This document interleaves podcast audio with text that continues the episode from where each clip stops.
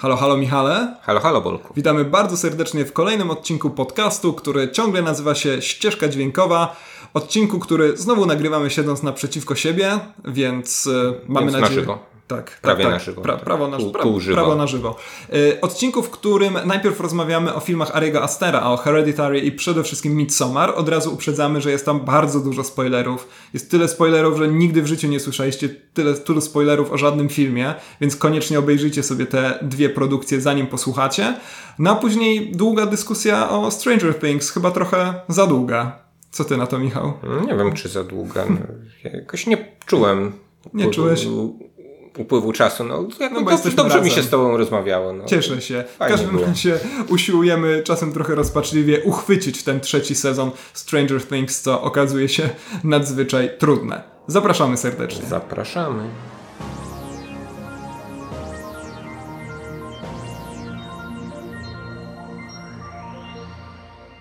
Zanim przejdziemy do omawiania horroru Midsommar, Somar Ariego Astera, e, krótka informacja. Okazało się, że jak zwykle narzekanie na swoje życie, publiczne dzielenie się żalami w zeszłym odcinku zadziałało e, i kiedy ostatnio powiedzieliśmy o tym, że ludzie nas krzywdzą jednogwiazdkowymi recenzjami na iTunes, to przybyło nam sporo pięciogwiazdkowych. Od Was zakładamy, drodzy słuchacze, więc bardzo dziękujemy i wystawiajcie recenzje dalej i w ogóle oceniajcie, gdzie tam się da. Tak, dziękujemy tym empatycznym jednostkom, które chciały nas pocieszyć tymi piąteczkami właśnie. Tak, właśnie. te wcześniejsze jedynki. Dzisiaj cały podcast e, przedstawimy takim odpowiednio ponurym głosem, zresztą pasującym do tematu dzisiejszych podcastów, żeby ludzie byli przekonani, że bardzo cierpimy i może dzięki temu dostaniemy więcej pozytywnych opinii. Tani chwyt? Nieważne. Nie, nie, nie. No, Nieważne. o- oceniajcie zgodnie z waszym serduszkiem, tak. A, Jeżeli musiałeś- musiałeś uważacie, że takie uczciwością. 3 na 5 to albo 3,5. To, to, to uważajcie. Jak, jak nie mówcie 3,5 nikomu. to już naciągajcie na 4. Tak, dokładnie. E, My byśmy naciągnęli, na pewno. E, Michał e, Midsommar Ariego Astera. Biały dzień, nie pamięta, zapamiętaj, że mamy taki wspaniały nie, nie pamiętaj. No może nie pamiętam, Nie pamiętaj. Nie, nie, nie wiem jak woli. Aczkolwiek Midsommar, nie pamiętaj. To byłby też świetny tytuł dla, dla tego filmu. I tu nie mówię od razu o jego jakości, ale chociaż pewnie do tego przejdziemy. Ari Aster, no jedno z takich najgorętszych nazwisk wśród e, filmowych, ponieważ w zeszłym roku dał nam film Hereditary, Dziedzictwo. Tutaj podtytuł już du- dużo bardziej oczywisty. Ciekawe, czy będzie kolejny film w czarną noc na przykład, prawda? Jeżeli nagra tak, w, w takich posępnych barwach swój kolejny obraz, to dystrybutor nam coś dopisze tam ciekawego. Tak, no tutaj, no oczywiście na co dzień z ogromną sympatią odnosimy się do Gutek Film, ale no te, tłuma, te, te podtytuły właśnie, zwłaszcza w przypadku Hereditary jest to niezwykle, niezwykle interesujące. Hereditary to oczywiście film, który podzielił krytyków, Wydaje mi się, że też podzielił nas, aczkolwiek tylko przypuszczam, bo chyba o tym nie rozmawialiśmy. Chodzi oczywiście o słynne zakończenie Hereditary, które w pewnym momencie z takiego filmu, który no cały czas pozostawia widza w niepewności, czy mm, to rzeczywiście są jakieś e, demony, czy tylko jakieś problemy psychologiczne. No całą sytuację rozwiązuje dość e, radykalnie. Końcówka tego filmu e, zmienia się w no, demoniczny horror z e, demonem, który jestem przekonany, że nazywa się Pantenol e, w roli głównej. E, Michał, jak ty wspominasz Hereditary Dziedzictwo? N- nazywa się Paimon chyba, albo Paimon. No, Zresztą naprawdę istnieje, tak? Pajtan ramen to jest znakomity, znakomity rodzaj Pa- ramenu. pajda, paj, pajda ze smalcem. Tak, no właśnie to było coś, co trochę zepsuło mi seans Hereditary, czyli ta końcówka doklejona trochę z innego filmu. Niektórzy uważają, że to jest jakby jakiś taki logiczny wybuch, eksplozja, kulminacja Logiczny tego, wybuch. To e, no, jest ciekawa zawsze ocena. Wiesz, chodzi mi o to, że nawijamy fabułę powoli, Mhm. prawda? Podczas gdy y, no, finał musi być odpowiednio e, spektakularny. Natomiast y, wydaje mi się, że ym, jednak był trochę przyszyty z innej bajki. I y, wydaje mi się też, że ym, Midsommar no, w jakiś sposób być może nawiązuje do tego, co się, co się tam dzieje w finale, ale nie wiem, czy ty w ogóle znajdujesz tak na pierwszy rzut oka jakieś takie powiązania pomiędzy tymi... Znaczy fabularnie można Dwo- powiedzieć, że Midsommar jest niemalże bezpośrednią kontynuacją Hereditary, biorąc pod uwagę, że pod koniec Hereditary mamy nagich starych ludzi ubranych w wianki, a Midsommar głównie opowiada o nagich starych ludziach ubranych, w- ubranych w wianki, to No ten rytuał, który był właśnie zwieńczeniem poprzedniego filmu Astera, w zasadzie zostaje nam tu rozciągnięty prawie na cały film, Tak, tak? tak, nie, tak, nie licząc są- jakiejś takiej ekspozycji, prawda? Która to jest trochę bonusowy materiał. To jest trochę. To, to, teraz mam takie wrażenie, że Midsommar można potraktować jak e, bonusowe sceny na DVD z Hereditary po prostu jeszcze, jeszcze więcej takich e, złowrogich, tajemniczych rytuałów. Ja tylko powiem, że mnie się Hereditary podobało. Lubię to rozwiązanie e, i ja ogólnie to wielokrotnie deklarowałem w podcaście, że ja bardzo lubię, kiedy reżyserom w pewnym momencie puszczają wszystkie hamulce, przestają mm. się cackać, przestają udawać, e, że są w jakikolwiek sposób subtelni i po prostu jadą na maksa na przykład z kobietą, która unosi się w powietrzu i odcina sobie sama głowę, tak jak w końców, końcówce Hereditary, więc to mnie, to mnie akurat przekonało. Lubię ten film, lubię końcówkę z pantenolem i w rezultacie akurat do Midsommar mam sporo zarzutów, ale chyba nie takich, że rzeczywiście tam część scen wydaje się na tyle mocno przegięta, że trudno w jakiś sposób się do nich e, ustosunkować. To jeszcze tak zamykając tylko może wątek tego finału Hereditary, to mi się to skojarzyło z e, filmem Roba Zombie Lords of Salem. Chyba... Mhm. Pojawiał się Rob Zombie wielokrotnie. Mówiliśmy o Robie Zombie, ale nie wiem czy akurat o, o tym filmie, który tak trochę przeszedł y, bez większego nie, echa. Nie, o Lords of Salem mówiliśmy nawet w polecankach horrorowych. Aha, czyli Dużo, Było. dużo mówiliśmy. Okay, okay. No tak, no tam końcówka, no to wspaniała jest ta końcówka. No właśnie, jakaś taka barokowa, rozbuchana, ale wydawało mi się, że będąca logiczną konsekwencją tego y, no właśnie podprowadzania y, te, takiego, a nie innego finału, prawda? Mamy jakieś tam po drodze w Lords of Salem y, złowieszcze zapowiedzi tego, co się ostatecznie wydarzy. Może nie jesteśmy przygotowani aż na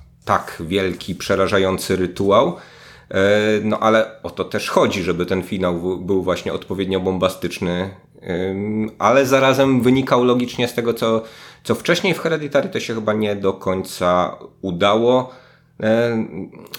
E, też musiałbym odświeżyć ten film, ale mam jakieś takie powidoki trochę, że w trochę innej estetyce ten finał był utrzymany w porównaniu z tym, co się tam dzieje wcześniej y, w filmie. To znaczy... A teraz mówisz o Hereditary, tak? Tak, tak, tak, tak no że był właśnie zbyt rozświetlony kolorystycznie, chyba zbyt, y, zbyt, zbyt rozbuchany w stosunku do jakiejś takiej ciemnej faktury obrazu, która gdzieś tam panuje przez przez, przez cały, ca, cały film Hereditary. No, pod tym względem Midsommar jest mm, bardziej spójne, na pewno koherentne. Tak, tak y, to znaczy w ogóle rzeczywiście według mnie Hereditary ma jakieś problemy ze spójnością taką wizualną, a nawet z kwestiami montażowymi. Tam są jakieś sceny, po których widać, że były dokręcane. Mniejsza z tym, y, może dobrym przejściem do Midsommar będzie y, ciekawostka. Ja tutaj będę wrzucał różne ciekawostki, ponieważ żebyście wy nie musieli, to ja wysłuchałem 55 bodajże minutowej rozmowy z Arim Asterem w podcaście Film Comment. Polecam, bo to jest to umiarkowanie interesująca rozmowa, aczkolwiek ja wzorem tych wszystkich listicles, które są bardzo popularne teraz na BuzzFeedach i tego typu portalach, e, po prostu przedstawię Wam gdzieś tam, postaram się wpleść w tę rozmowę najciekawsze informacje. Taką informacją, która może nie jest najciekawsza, ale jest pewnie interesująca, jest to, że Midsommar i Hereditary, scenariusze do tych filmów powstawały równolegle. E, i po prostu kiedy udało się już wypuścić Hereditary, to nagle się, uda, nagle się okazało, że Ari Aster i ekipa mają możliwość nakręcenia Midsommar. E, co ciekawe, to nie jest oczywiście absolutnie nic, co powinno ten film usprawiedliwiać, ani w ogóle nic, co powinniśmy brać pod uwagę przy ocenie, zwłaszcza takiej podcastowej tego filmu, ale ten film powstał w jakichś okrutnych bólach naprawdę e, kręcenie, no zwłaszcza, że kręcenie w dzień jest oczywiście e, niezwykle trudne, zwłaszcza jeżeli chce się uzyskać konkretne warunki oświetleniowe i tak dalej, e, ale w każdym razie, no Midsommar z, tych wypowiedzi Astera trochę, trochę miałem wrażenie, że to był taki film robiony na szybko, na kolanie, bo, bo, bo, bo można, bo trzeba kręcić. E, no i też Ari Aster jest na fali, a wiadomo, że A24, które się opiekuje Asterem, na pewno chciałoby mieć taką gwiazdę e, tego, co dzisiaj się określa mianem Elevated Horror. Pewnie jeszcze przejdziemy do tego określenia. No i trochę mam wrażenie, że Midsommar jest rzeczywiście robione, robione na kolanie. Ale naprawdę tak ci się wydaje? No, znaczy, wydaje mi się, że ten film jest pod względem dopracowania jakiegoś takiego estetycznego, formalnego bez większych zarzutów. No, nie wiem, czujesz jakiś pośpiech, tak? Mhm, tak, y, y, jeżeli chodzi o formę, to jest to film e, znakomity. Jest przepiękny. I tutaj tyle w tym zasługi e, Astera, montażystów, co oczywiście e, naszego rodzimego montażysty Pawła Pogorzelskiego. Pawła, prawda? Tak. Na tak, pewno tak. Pogorzelskiego, co jest zresztą wspaniałym nazwiskiem, jeżeli specjalizujesz się w kręceniu horrorów. No do Hereditary nawet bardziej to nazwisko tak. Tak, tak, tak. No, zdecydowanie. Zresztą też rzeczy płoną, prawda? Więc tak, to swoją drogą mamy, mamy pożary tutaj w, też w końcówce. Mm, ale wydaje mi się, że tutaj jednak scenariusz bardzo, bardzo siada. Do tego pewnie przejdziemy. Mm, wydaje mi się, że o tyle no wiele osób drażnił ten ostatni akt Hereditary, mnie się on podobał, tutaj według mnie Midsommar z kolei w ostatnim akcie okrutnie siada. E, no ale Michał, jakieś ogólne wrażenia z tego filmu? Już widzieliśmy go jakiś czas temu, ty jeszcze mhm. na pokazie prasowym, ja mniej więcej dwa, dwa tygodnie temu. Niemniej to dobrze, bo to raczej nie jest film, który łatwo zapomnieć, który wylatuje z głowy, a trochę mogliśmy sobie nad nim podumać w samotności, na trawce siedząc, leżąc. Zwłaszcza, że mamy znowu ciepło, więc mamy dobre. Paradoksalnie ostre słońce i wysoka temperatura to dobra atmosfera do dyskutowania o horrorze. Tak, mnie ten film się na pewno podobał bardziej niż Hereditary. Um, nie uważam, że ten film jest y, arcydziełem horroru. Zresztą zaraz do tego przejdziemy, bo jakimś takim podstawowym zarzutem jest to, że to nie horror, prawda? I to znaczy straszny tak. Nie, no, w programie telewizyjnym dla, napisali, że dla, to horror. Dla fanów tego gatunku to często jest największa armata wyciągana na różnego rodzaju forach internetowych, prawda, że mm, zwłaszcza gdy są mm, zwabieni do kina tym, że mają oglądać jakieś dzieło przerażające, a potem wcale się nie bałem. Jeden na dziesięć, prawda?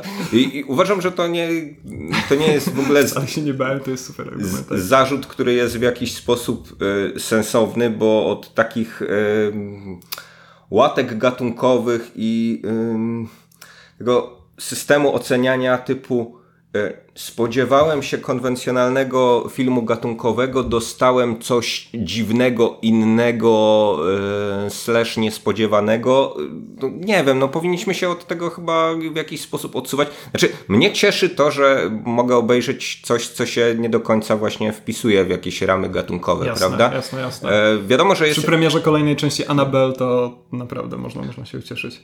Wiadomo, że y, powstała taka łatka y, niedawno która brzmi art horror, tak? Art horror, albo właśnie elevated horror, tak, czyli tak. taka rozpaczliwa próba znalezienia czegoś, co E, niby ma dopasować się do gustów mas, ale wink wink jest to tak naprawdę coś e, dużo bardziej wartościowego intelektualnie. Mm, no, powiedziałbym nawet trochę inaczej, że mamy do czynienia z e, twórcami, którzy jednak mają jakieś tam chyba większe ambicje niż, nie wiem, odcinanie kuponów od obecności siódmym sequelem czy spin-offem, prawda? Tylko szukają, może wychodząc od tego, co oferowało kino grozy, jakichś takich nowych, y, nowych dróg opowieści, e, niekoniecznie będących od początku do końca podległymi tej właśnie e, mhm. konwencji mhm. horroru. No i Midsommar właśnie e, w taki sposób rozpatruje. Zresztą Zresztą w tym filmie no jest jakby wiele sygnałów świadczących o tym, że no, może Astera nie interesuje tylko i wyłącznie opowieść o jakimś tam kulcie, sekcie, która, który będzie wyżynał kolejnych kolejnych bohaterów, no bo jednak wychodzimy tutaj od jakiejś właśnie jednostkowej traumy, prawda, głównej bohaterki granej zresztą świetnie przez A, Florence Pugh. Wspaniała, w ogóle wspaniała aktorka. Mam nadzieję, że będzie przynajmniej nominacja do Oscara, chociaż to samo mówiono o no Toni Collette za Hereditary. Tak. tak, dwie wspaniałe role żeńskie i no pierwsza przeszła bez echa, na które zasłużyło, mhm. no a Florence Pugh zobaczymy. No. no. tak, tutaj jeszcze data premiery też nie jest najszczęśliwsza, mhm. bo daleko do tych Oscarów, prawda, też Akademia zdąży zapomnieć o takich filmach. Um, może się bali obejrzeć, bo to horror. Mhm. I Samuel L. Jackson powiedział, nie, ja nie oglądam, nie. No, natomiast tak, wychodzimy od, y, od śmierci rodziny, prawda? Akcja zaczyna się w Stanach Zjednoczonych. E, jeszcze właśnie nic nie zwiastuje tego, że w biały dzień się wszystko będzie rozgrywać, tak, bo jednak trzymamy cały czas tę ponurą fakturę taką właśnie rodem, rodem z Hereditary, prawda? Mamy bohaterkę mocno straumatyzowaną, taką, która, której trudno się porozumieć e, no, z tymi ludźmi, którzy gdzieś tam wokół niej y, zostali, jako że nie ma już rodziny, no to został jej chłopak, który no, jest jakoś tam rozdarty pomiędzy swoją grupą y, kumpelską, powiedzmy, jakichś takich y, gości wyjętych. Znowu, jeżeli mielibyśmy tutaj jakieś narzucać łatki konwencji gatunkowych, no to wyjętych y, z jakiejś takiej komedii koleżowej, prawda? Tak, tak, tak, tak aczkolwiek takiej bardzo... Znaczy tutaj nie możemy, nie możemy przejść do porządku dziennego nad tym, że E, Josha, e, czyli tego chłopaka, który jest najbardziej wkręcony w research e, i tego doktoranta, któremu właśnie Krzysztof ma niby zabrać temat, no gra oczywiście Chidi z The Good Place. No dobra, to już nie, nie, ale nie, tylko, nie skacz po bohaterach, nie, nie, nie, bo zaraz chcę tylko, jasne, zaraz wrócimy, tylko chcę powiedzieć, że to jest taka wersja, jakby ktoś nakręcił tak zwany gritty reboot, jakiś ponury reboot The Good Place, to myślę, mm. że tak by wyglądał właśnie Chidi, czyli ciągle zainteresowany nauką i pracą akademicką, ale jednak dużo bardziej radykalny i w takich bardzo ponurych okolicznościach, ale tak, rzeczywiście no tak, odlatuję od tematu, wróćmy do tej komedii koleżowej. Do, do, dopowiem, że no i chodziło ci o te, jednego z drugoplanowych bohaterów, yy, którego no właśnie z Good Place. Yy, tak, tak, tak, no to Josh to jest jego znamy, imię w tym. Znamy, natomiast jest, jest, jest ten chłopak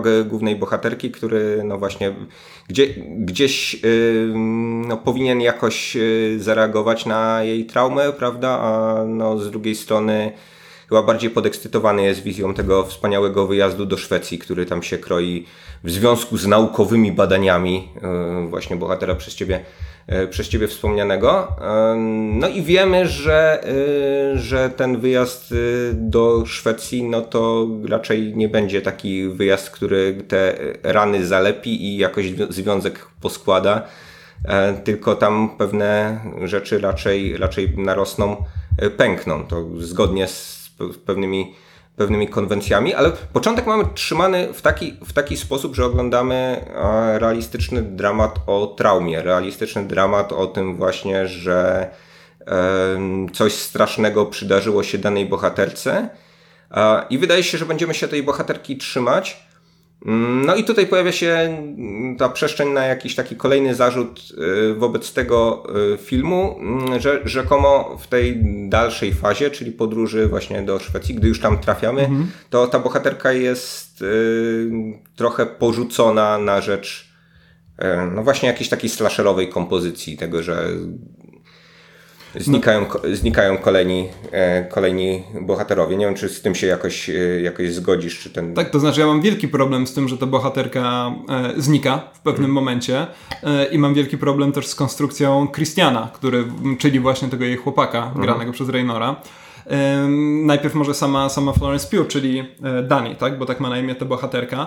To jest dla mnie ogromny problem w tym filmie i tak naprawdę największy problem, to ostatnie jakieś 20-30 minut, kiedy nasza bohaterka zajmuje, która jest przecież tak naprawdę zmierza do katarzis. Po prostu no, mamy takie zakończenie, które każe nam, nawet jeżeli my nie mamy takiego przekonania, to wiemy, że reżyser na pewno chciał, żebyśmy mieli takie, jak to się ładnie mówi, katartyczne doświadczenie. Jakoś tak, w każdym razie takie oczyszczające, przepiękne, prawie jak zakończenie e, filmu Walki Najlepszy z Najlepszych.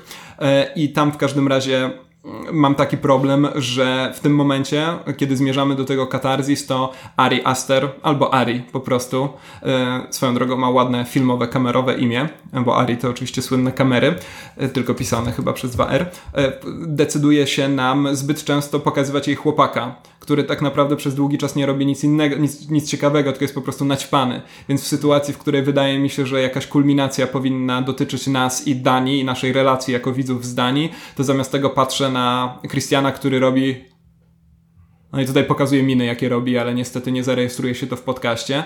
E, I jest to dla mnie, ja miałem wrażenie wręcz, ja nie lubię wy, wytykać filmowcom błędów na przykład, bo to oni jednak znają się na tym, co robi, a, a nie ja ale jednak miałem wrażenie takiego regularnego błędu w montażu czy w pisaniu scenariusza, kiedy rzeczywiście no, bohaterka gdzieś nam znika, zajmuje się zakopywaniem mięsa i rozbijaniem na nim jajek, e, a tymczasem my oglądamy bohatera, który jest wyjątkowo nieciekawy, odpychający i przez cały film tylko to nam podkreślano.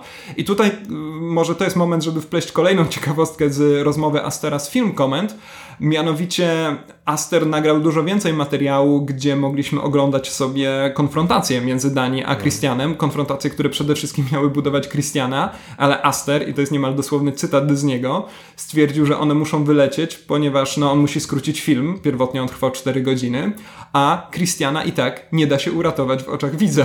Okay. że on jest tak okropną postacią, że po prostu nie warto dawać tych dodatkowych scen. No jest to według mnie fatalny błąd, oczywiście mówię to nie znając tych scen, ale ale przez to właśnie, no jak, jak to w ogóle brzmi, tej, tej postaci i tak, no widz i tak go nie polubi, i tak się nikt nie zainteresuje. To, to Na, napisałem płaską postać, więc tak, tak, tak, dokładnie. Okay, przytnijmy to ją Nie wiem, dla mnie, dla mnie to jest jakaś tak głupia wypowiedź, że, że trudno mi się do tego w jakiś racjonalny sposób odnieść, e, ale w rezultacie no, dostajemy końcówkę, która według mnie jest koszmarna. Ja się już straszliwie nudziłem, ponieważ Christian mnie zupełnie nie interesował, po czym nagle wracamy do Danii. Dostajemy zresztą tę końcówkę taką dość oczywistą, łącznie z tym, że główny głupiec ma nałożoną czapkę e, pajaca.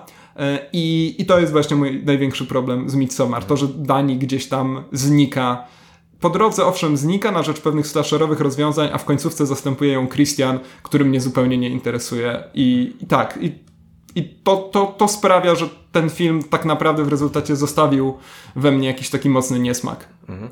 E, Aster zapowiedział, że będzie jakaś tak, wersja pół godziny więcej. pół godziny więcej, ale no, zakładam, że to nie będzie wersja, tak, w której będzie Christian rozbudowany. Nie wiem, nie wiem co tam będzie. Czytałem o tych rzeczach, które wyleciały. Tu może mhm. jako kolejną ciekawostkę dodam to, że e, wielu z Was pewnie, którzy, którzy nie mają do czynienia ze środowiskiem akademickim, dość absurdalna może wydać się ta kłótnia o, o research między Joshem a Krzysztofem. Ona jest rzeczywiście dość, dość absurdalna i wyjęta jakby z jakiegoś takiego nieakademickiego porządku. Oni się, trochę to brzmi jakby się kłócili o to, kto napisze rozprawkę w liceum albo na maturze bardziej niż kto poprowadzi badania naukowe. Ale w, sam tam może też... dopowiedz, że oni mają pisać doktorat. Tak, obaj, obaj mają pisać doktorat. Josh wie o czym, Krzysztof nie wie o czym.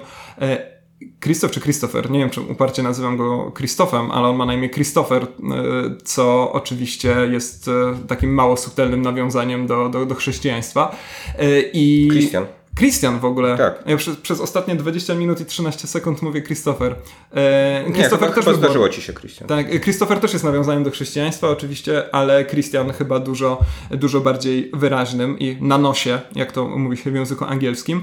No i tam mamy taką scenę, kiedy Josh zarzuca Christianowi, że Christian nawet nie umiał korzystać z JSTORa i Josh musiał mu pokazać. JSTOR to oczywiście takie słynne repozytorium tekstów naukowych, także dobrze, że to wyleciało, bo mielibyśmy jakąś taką akademicką masturbację. No, no dobra, ale wracając do tego głównego zarzutu może, bo tak. to jest y, to jest moim zdaniem zarzut, który, który jakby trafia e, w cel, to znaczy to, że mamy bohaterkę, mm, która jest psychologicznie pokawałkowana, ale właśnie przez to jakoś tam interesująca i mm, wydaje się, że będzie właśnie konfrontowana przede wszystkim ze swoim chłopakiem.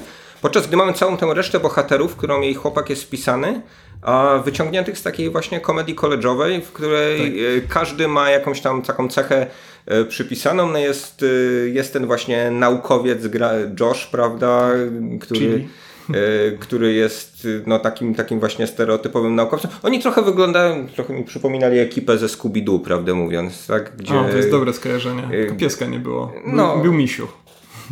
Tak, tak. Ma, ma, mamy bohatera granego przez Willa Poultera, już patrzę jak on się nazywał. Mark się nazywał, tak? To jest ten wioskowy błazen, właśnie. No, tak? trochę taki właśnie e, z, z, zafiksowany na tym, że jadą na orgię do Szwecji, tak, prawda? Tak, I tak, że tak. będą narkotyki i seks właśnie, więc znowu taka, tak, taki, taki bohater pojawiający się w amerykańskim kinie gdzieś od czasów pewnie w krzywym zwierciadle menażerii, tak? Kiedy te, no, takie komedie koleżowe e, zaistniały, tak? Potem mieliśmy różne tego przejawy, jakiś Świntuch na przykład, tak? Zemsta frajerów. Właśnie, podobne. Zemsty frajerów, wszystkie, tak, tak, tak. Te, tego, typu, tego typu e, filmy. No i właśnie oni są z innych porządków, wydaje mi się. No, ja wiem, że może ja sam sobie zaprzeczam, bo wcześniej mówiłem o tym, że szukamy jakiegoś tam przełamywania konwencji i tak dalej, ale oni są tak daleko od siebie, że mm, no, czułem w pewnym momencie, jakbym oglądał dwa różne filmy. Być może gdyby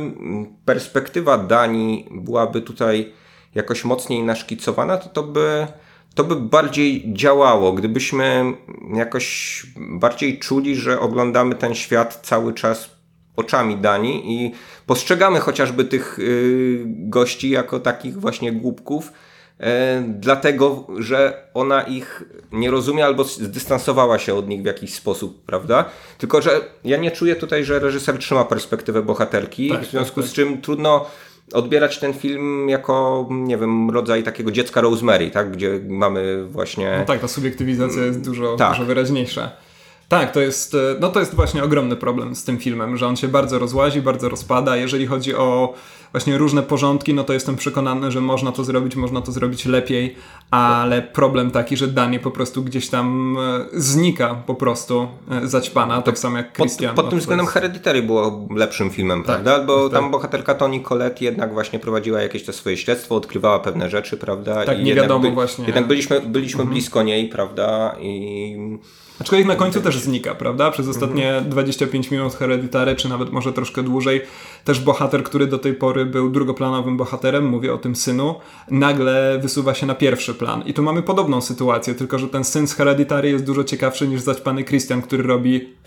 I tu znowu pokazuję miny, których niestety nie zobaczycie. Może zamieścimy Wkleisz zdjęcie na, fotki na, na, tak, okładce, tak. na okładce tego odcinka. E, Więc w Hereditary, jak teraz o tym myślę, to mamy bardzo podobny zabieg, ale tam to działa, a tutaj nie działa, bo dostajemy faceta, który, który mnie po prostu totalnie nie interesuje. No jest jakimś niezbyt interesującym przygłupem, a w każdym razie takie sprawia, sprawia wrażenie. Znaczy, no brakuje konfliktu wobec tego, prawda? Bo nie mamy żadnej postaci, która byłaby jakoś tej Danii przeciwstawiona, tak? To znaczy, ona jest coraz bardziej wciągana przez sektę, przez ten kult. Wiadomo, że to wszystko wynika y, z braku jej więzi z tymi osobami, z którymi przyjechała. Odcina się od nich coraz bardziej, bo coraz mocniej czuje więź, akceptację ze strony właśnie tego kultu, tak? Ta, tam czuje, że znajdzie jakieś pocieszenie. Zresztą mamy świetną taką scenę, dla mnie najlepszą wśród tych wszystkich rytuałów, które e, tam następują, a w której e, to kobiety wraz e, z Danii no niejako egzorcyzmują tę traumę z niej, niejako razem z nią właśnie krzyczą, e, płaczą, w jakiś sposób e, zwijają się wręcz z bólu.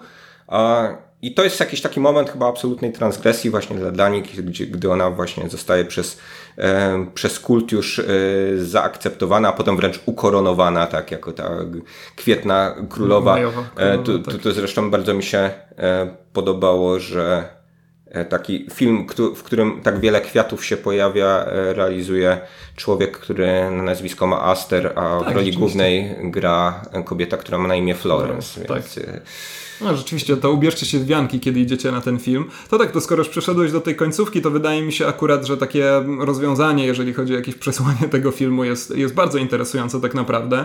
No bo wydaje mi się, że ten film w bardzo taki bezpośredni sposób rzeczywiście opowiada o dziewczynie, o bohaterce, o człowieku ogólnie, który jest po prostu odcięty od e, jakichkolwiek form życia społecznego. To znaczy, może to brzmi trochę zbyt radykalnie, ale widać, że w obliczu no, tragedii, która nie wiem, czy jest szczerze mówiąc nie, nie za duża na to, jak na to, co się dzieje w tym filmie. To znaczy, to jest zupełnie przerażające. Inna sprawa, że ten początek filmu jest wybitny. Po prostu jest, to jest pierwsze 30 minut tego filmu, to jest e, wyższy stopień arcydzieła. tak, jakoś scena śmierci rodziny bohaterki jest wspaniale na Tak, to jest, to jest głęboko, wizualnie. głęboko dojmujące i później mam wrażenie, że nie ma troszkę takiego, przepraszam, że tak brzydko powiem, quasi angielsko-emocjonalnego pay-offu tego, ale chciałbym właśnie wrócić do tego, że mamy rzeczywiście bohaterkę, która nie może znaleźć porozumienia, no i później rzeczywiście pod koniec tego filmu już wchodzi w ten kolektyw, E, Właśnie mamy to współprzeżywanie, dowiadujemy się, że cały ten kolektyw jest oparty na współprzeżywaniu, no bo nie tylko ona właśnie w tym swoim momencie żałoby, ale też chociażby Christian w czasie tej dziwacznej orgii.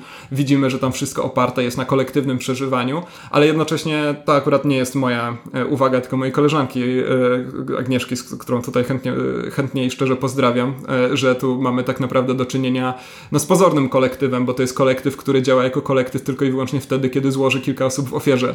I to kilka osób właśnie z tego kolektywu, bo to nie tylko przyjezdni, ale też ci na miejscu muszą zostać złożeni w ofierze.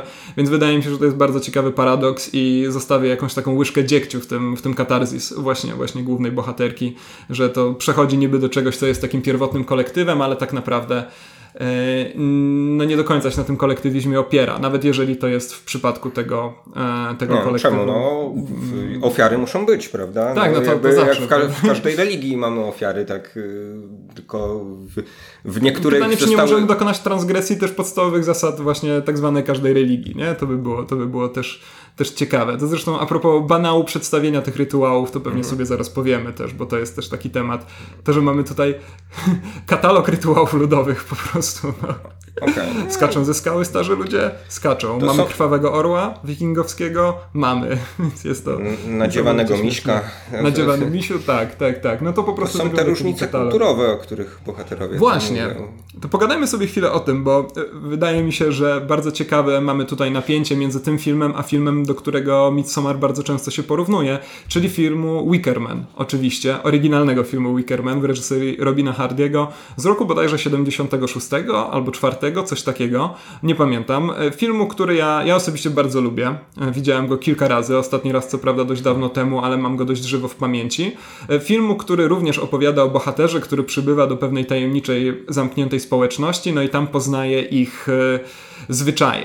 No i wydaje mi się, że jest taka jedna podstawowa różnica, oprócz tego, że w Midsommar niestety nie mamy śpiewającego, przystrojionego w kwiatki Christophera Lee, co oczywiście jest problemem, bo coś takiego powinno być w każdym filmie, ale e, podstawowa różnica jest taka, że policjant, który przybywa na wyspę w Wickermanie, jest e, jakby z definicji postawiony w opozycji do, do tej wiary, którą napotyka. On uważa, że to jest wynaturzenie. On nie chce być na to otwarty.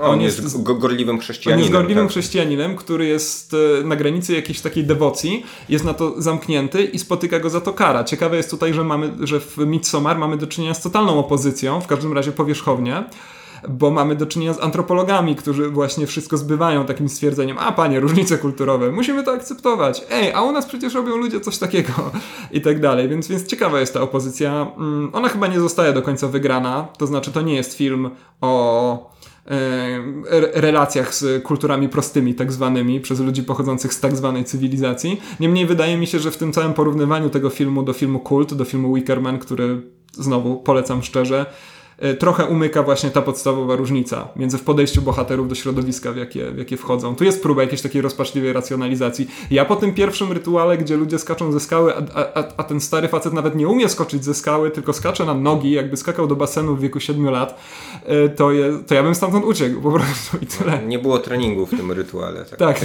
nie skakali do bateracu kiedyś. Tak, ale ty jakby nawiązujesz do tego, o czym wspomniałem wcześniej, to znaczy do braku jakiegoś takiego wyraźnie zdefiniowanego konfliktu w tym filmie, dlatego że mhm. Mm, no, w Wickermanie mieliśmy oczywiście ten konflikt pomiędzy przybyszem a tym kultem. E, tutaj było jakieś zarzewie konfliktu, ale nawet właśnie nie między bohaterami i tą całą sektą, bo tak jak, tak, tak jak powiedziałeś, oni to jakoś przyjmują z tym dobrodziejstwo inwentarza. Znaczy nie wszyscy, no mamy tam tę parę bohaterów, która decyduje się wyjechać od razu. Tak, powodzenia. E, co, no w ogóle to pokazuje też, że w zasadzie tylko tylko kobiety chyba są tutaj przedstawiane jako jakieś takie w, w miarę racjonalne jednostki, które widzą, że o, sorry, to nie są różnice kulturowe do zaakceptowania, no nie, tylko chyba trzeba tę społeczność opuścić. Tak, no bo one bezpośrednio zagrażają nam, prawda? To, to, to jest też taki e, podstawowy problem w tej akceptacji. Natomiast y, no, miał, być, miał być ten konflikt, miało być to zderzenie przeprowadzone na linii bohaterka czyli Dani Christian, prawda? Przede wszystkim. Ewentualnie Dani kontra Christian i ci, to jego otoczenie, prawda? To, te, te, ten cały, ca, cały e, wachlarz jego, e, jego kumpli. No i to w tym filmie moim zdaniem właśnie do końca, do, do końca nie działa, bo yy, właśnie w kulcie w Wickermanie jednak szliśmy za tym policjantem, on był tym wyrazistym bohaterem yy, i trzymaliśmy jego perspektywę, a tutaj, a tutaj nam się to rozłazi. Rozłazi na, nam się na jakieś takie e, trochę slasherowe wybryki gdzieś w drugiej części filmu. Mm, no i szkoda, szkoda właśnie pod, pod, pod tym względem. Tak, no plus właśnie jeszcze obowiązkowa zdeformowana osoba, która jest wieszczem lokalnym, pisze jakąś... No to znowu wracamy do problemu katalogu, e, katalogu takich e, przeglądów folklorystycznych po prostu. Tak, ale to no, mie, mie, mieliśmy już e, no, taką właśnie zdeformowaną osobę w Hereditary, prawda, więc można powiedzieć, tak? że no... Kogo? No, córka jakby. Tak? Ale, nie pamiętasz tego? Nie pamiętam. Jak nie, możesz nie pamiętać? Ta, która kląskała. No tak, ale czy ona miała zdeformowaną twarz? No a nie? Muszę przyznać, że nie pamiętam. Zupełnie, okay. zupełnie szczerze okay. powiem. Okej, okay, to, to wygoogluj sobie. E, no, ale wolę się, że jak wygoogluję jej twarz, to zobaczę to jedno ujęcie z mrówkami, więc w Google grafika, więc może, może nie będę robił tego, e, tego w, środku, w środku nocy. A widzisz, to to jest bardzo, bardzo ciekawe powiązanie, o którym ja po prostu w wyniku słabej pamięci zapomniałem. No a takie y, właśnie, a nie inne obsadzenie... Mm, wieszcza wyroczni, y, no to też nam nas od, odsyła do jakichś takich nawet. Yy, nie wiem na ile to jest w ogóle ufundowane na czymś yy, rzeczywistym, jeśli chodzi tak. o te skandynawskie tak, tak, mitologie. Tak, tak, Natomiast tak, no, mhm. mieliśmy, mieliśmy podobną wyrocznię w serialu Wikingowie chociażby, prawda? Też. Yy, no tak, tak, tak. No i też mieliśmy przede wszystkim no, ten słynny krwawy orzeł, to jest to, co wydarza się. Tak mi się wydaje, nie sprawdzałem tego, oceniam to na podstawie tego makabrycznego obrazka. To, co wydarzyło się temu Brytyjczykowi który został rzeczywiście tak efektownie rozwarty po prostu na jakichś drutach. No, no to, to jest ta słynna tortura, o której nawet Amon Amart napisali e, no, utwór. Udekorowany dodatkowo A tak, to, to kwiatkami ładnie, różnymi, tak ładnie, żeby ładnie. w roli takiego abażuru trochę wystąpił. A, tak, tak, tak. To jest rzeczywiście nie krwawy orzeł, ale uroczy, kwietny abażur. Michał, śmiałeś się na tym filmie? No tak, właśnie to jest jeden z tych e, elementów, o których chciałem e, wspomnieć, że ten film jest e, zaskakująco zabawny. Nie tylko kwestia o różnicach kulturowych na przykład. Tak, Szcz tak, tak. Szcz szczególnie mnie rozbawiła, ale mm, no właśnie wpadamy po tej całej ekspozycji związanej z Danii na moment przynajmniej y, no, w, w, w, objęcia właśnie tej koleżowej komedii, w której Ray wodzi Mark, prawda? I, tak, ktoś tam tak i, wysika się nie tam, gdzie powinien. Su, substancje psychoaktywne, prawda? Zresztą też y, już jeszcze zanim oni trafiają do Szwecji, no to mm, znakomicie śmieszną dla mnie sceną jest e, scena, gdy Dani przybywa, tak, tak do... Tak, tak jest, jest taki do tego ich po pokoju, tak, prawda? Jakbym The Office oglądał, naprawdę, zwijałem się w fotelu. Oni mają problem, żeby z nią rozmawiać na jakiś temat, dlatego że no, wiedzą, że to jest jednak osoba, która no, żyje w jakiejś totalnej rozpaczy, prawda? Jedzie na lekach i... No a oni, a oni by się chcieli tutaj dobrze bawić, prawda? I o czym, o czym z, taką, z taką osobą rozmawiać, prawda? A jeszcze perspektywa tego wspólnego wyjazdu, no to już jest dla nich jakaś taka zupełnie, zupełnie przerażająca. I to przez moment nawet właśnie, właśnie fajnie działało jako, jako tego typu zderzenie tej bohaterki z nimi. Tylko, że potem już jakby no niewiele z tego wynika, bo gdy docieramy do do Szwecji, no to już y, jakby każdy tam idzie swoją drogą, prawda? No, tak, jakby tak, każdy, tak, no. każdy z tych bohaterów jest e, zafascynowany czym innym. Naukowiec przystępuje do tych swoich jakichś tam badań. E, e, Mark poluje na kogokolwiek, z kim mógłby pójść do łóżka, prawda? No i. Tak, zasikuje cmentarz, to jest zawsze Dani, zabawne, prawda? Dani gdzieś tam Aha. jest wciągana też w jakieś, w jakieś właśnie inne inne rytuały. Um, no, więc, więc ten film gdzieś tam, gdzieś tam pomiędzy. Znaczy, ma jakieś takie rysy, rysy komedii, natomiast no, nie nazwałbym go nawet bardzo mocno czarno, czarną komedią. Nie, aczkolwiek rzeczywiście no, miejscami jest ostentacyjnie zabawny, po prostu. Może tylko jeszcze nawiązując do tej rzeczywiście chyba najzabawniejszej sceny w pokoju, kiedy Dani e, informuje o tym, że jedzie z nimi do Szwecji to tam pada też jedno z najważniejszych chyba zdań w tym filmie, kiedy złowrogi Szwed Pele, jeszcze nie wiemy, że jest złowrogi, ale już podejrzewamy, mówi, że nie jadą przez Sztokholm, bo to jest na południu, a my jedziemy na północ, prawda? Hmm. Więc od razu już wiemy, że e, ci Szwedzi nie mają się co za bardzo obrażać na ten film, ponieważ my e, ruszamy tutaj do jakichś tajemniczych północnych e, leśnych odstępów, więc jest to, jest to bardzo, bardzo zabawne zdanie, mam wrażenie jakoś takie usprawiedliwiające nawet to, co się będzie działo w tym filmie. Tak, w tym filmie jest bardzo dużo takiego ostentacyjnego humoru, po prostu. On czasem wychodzi jak właśnie w jakichś takich detalach. Czasem nie wychodzi jak w Marku, który sika na drzewo, na które nie powinien sikać, no i wyskakuje na niego Szwed, który krzyczy na niego po szwedzku. No to jest takie nie wiedziałem za bardzo jak na to zareagować, ale e, ja byłem w e, kinie w małej sali Pola, w kinie Muranów warszawskim i Muszę przyznać, że na początku tego seansu byłem bardzo zdenerwowany, ponieważ w pierwszym rzędzie, a to jest malutka sala, więc ten pierwszy rząd był 33 cm ode mnie, a ja siedziałem w siódmym rzędzie, czy tam szóstym, czy tam czwartym, e, cały czas się śmiali ci ludzie, e, ludzie którzy byli. No ja tego bardzo nie lubię, rzecz biorąc, nie lubię, jak ludzie się śmieją i wyrażają radość. No, wiadomo, tak, nie tak, płakać tak. na filmach. I, i trochę byłem zły, że mi zepsują film, po czym po dwóch i pół godziny tego filmu stwierdziłem, że w sumie, w sumie mieli rację. No, jeżeli chodzi o śmiechy, to mi oczywiście nie chodzi tylko i wyłącznie o takie sceny ostentacyjnie komediowe i po prostu żarty, które w tym filmie są z pełną świadomością zawarte, ale interesuje mnie też Twoja reakcja na to, jak pokazane są te poszczególne rytuały. Na czele oczywiście z tą finałową orgią, e, która wzbudzała śmiech moich e, nieznajomych z kina, a także nie ukrywam mój.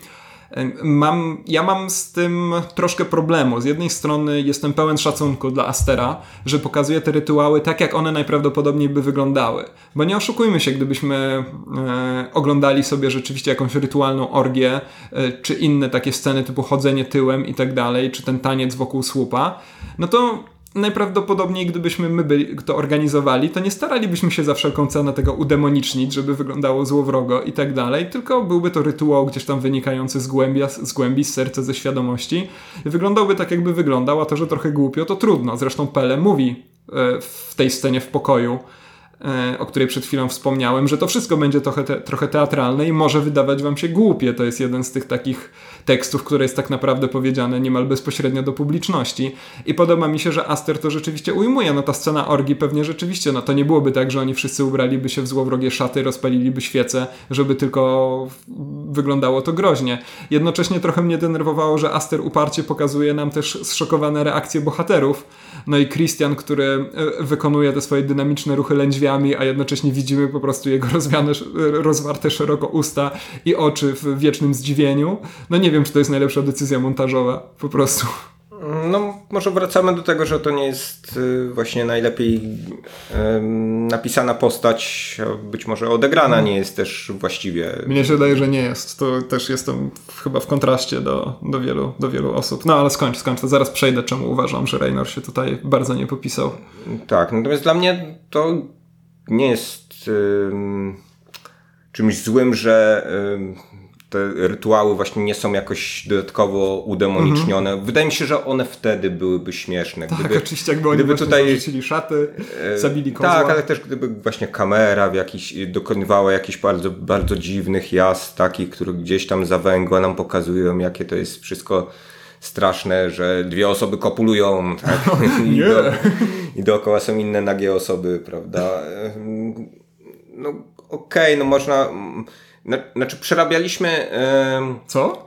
Przerabialiśmy scenę, scenę orgii w, na ekranie kinowym, żeby nie było wątpliwości, w formie właśnie takiej mm, demonicznej u Kubricka w oczach szeroko mhm. zamkniętych, prawda? Gdzie tak, ten, skojarzenie. Ten rytuał no, był jakimś takim właśnie e, estetycznym e, doświadczeniem trochę z takiego sennego koszmaru, prawda? Trochę trochę realizowanym tak, jak miałby być podbudową do, mm, do czegoś jeszcze straszniejszego po tym mającego nastąpić. Natomiast no tutaj jakby, nie wiem, no Aster jest bardzo konsekwentny, wydaje mi się, w właśnie kręceniu tego, jak głosi ten polski tytuł, w biały dzień, prawda? Tak, wszystko ma... na wierzchu. No. Tak, tak, no mamy to wszystko, wszystko wyeksponowane i jeżeli, jeżeli coś jest y, szokujące na poziomie takiej właśnie, y, na takim poziomie, na jakim, nie wiem, szokować może no, grozy, y, no to szokujące jest tylko z, ze, a może aż ze względu mm. na to, że to są tak się wydaje przynajmniej, pewnego rodzaju właśnie takie archaiczne rytuały, e, które rzeczywiście, których rzeczywiście ludzkość mogła doświadczać, prawda, albo doświadczała i, e, i, mm, no i dojmujące to może być właśnie na, na tym poziomie, kiedy sobie e, pomyślimy, gdzie jesteśmy jako cywilizacja właśnie teraz, a gdzie byliśmy mhm. kiedyś. Um, czy czegoś nie straciliśmy po drodze? Chodzi o właśnie tam, to poczucie wspólnoty tak, chociażby tak, tak. i możliwość jakby e, współodczuwania, współprzeżywania pewnych rzeczy. czego nie jesteśmy w stanie robić teraz. No natomiast no, jednak mimo wszystko chyba no, to, że nas pozbawiono te, te, tej barbarzyńskości, tak, którą mamy w tym filmie, no to jest chyba jednak czymś, czymś pozytywnym. No nie wiem, no chyba, że, że chciałbyś, żeby w ten sposób jednak wciąż przebiegały jakieś tam współczesne No na pewno chciałbym, żeby tak przebiegała coś, edukacja, coś, no. że ludzie siedzą na, że ludzie siedzą sobie na trawce i uczą się e, run. Dobra, zastanawiam się, czy jeszcze coś o Midsommar można powiedzieć i przychodzi mi do głowy nasza krótka dyskusja na Messengerze, to znaczy ja napisałem do ciebie jakoś narzekając na ten film, ale ty powiedziałeś, że znajdujesz tutaj dużo pozytywów, tymczasem przez te 43 minuty za dużo pozytywów nie, nie przedstawiliśmy. No nie, mówiliśmy o świetnej roli Florence Pugh na pewno. No, faktycznie. E, o tym, jak znakomicie się ten film rozpoczyna i przede wszystkim no, jak on jest wizualnie zrealizowany, dlatego że no tutaj y, naprawdę y, y, coraz mniej jest takich filmów, o których bym intensywnie myślał kilka tygodni po ich obejrzeniu, a przynajmniej e, poszczególne sceny albo sekwencje gdzieś tam stawały mi przed oczami. E, I to zarówno zasługa Astera, jak i Pawła Pogorzelskiego, chociaż wydaje mi się, że jednak bardziej Astera, że Pogorzelski w wywiadzie, którego słuchałem, mówił, że że Aster ma jednak mocno sprecyzowaną wizję tego, jakiego film ma wyglądać, jak mają wyglądać poszczególne sceny. Nie wiem, czy w tym wywiadzie, który ty czytałeś. No mówił o swojej współpracy z, z Pogorzelskim. Ale czy mówił o tym, że on ma właśnie, że to on jest tym głównodowodzącym, jeśli chodzi o wizualia też. Powiedział chyba coś w stylu ja jestem najważniejszy. Mhm. Okej, okay. no to, to by się zgadzało, no bo Pogorzelski na przykład...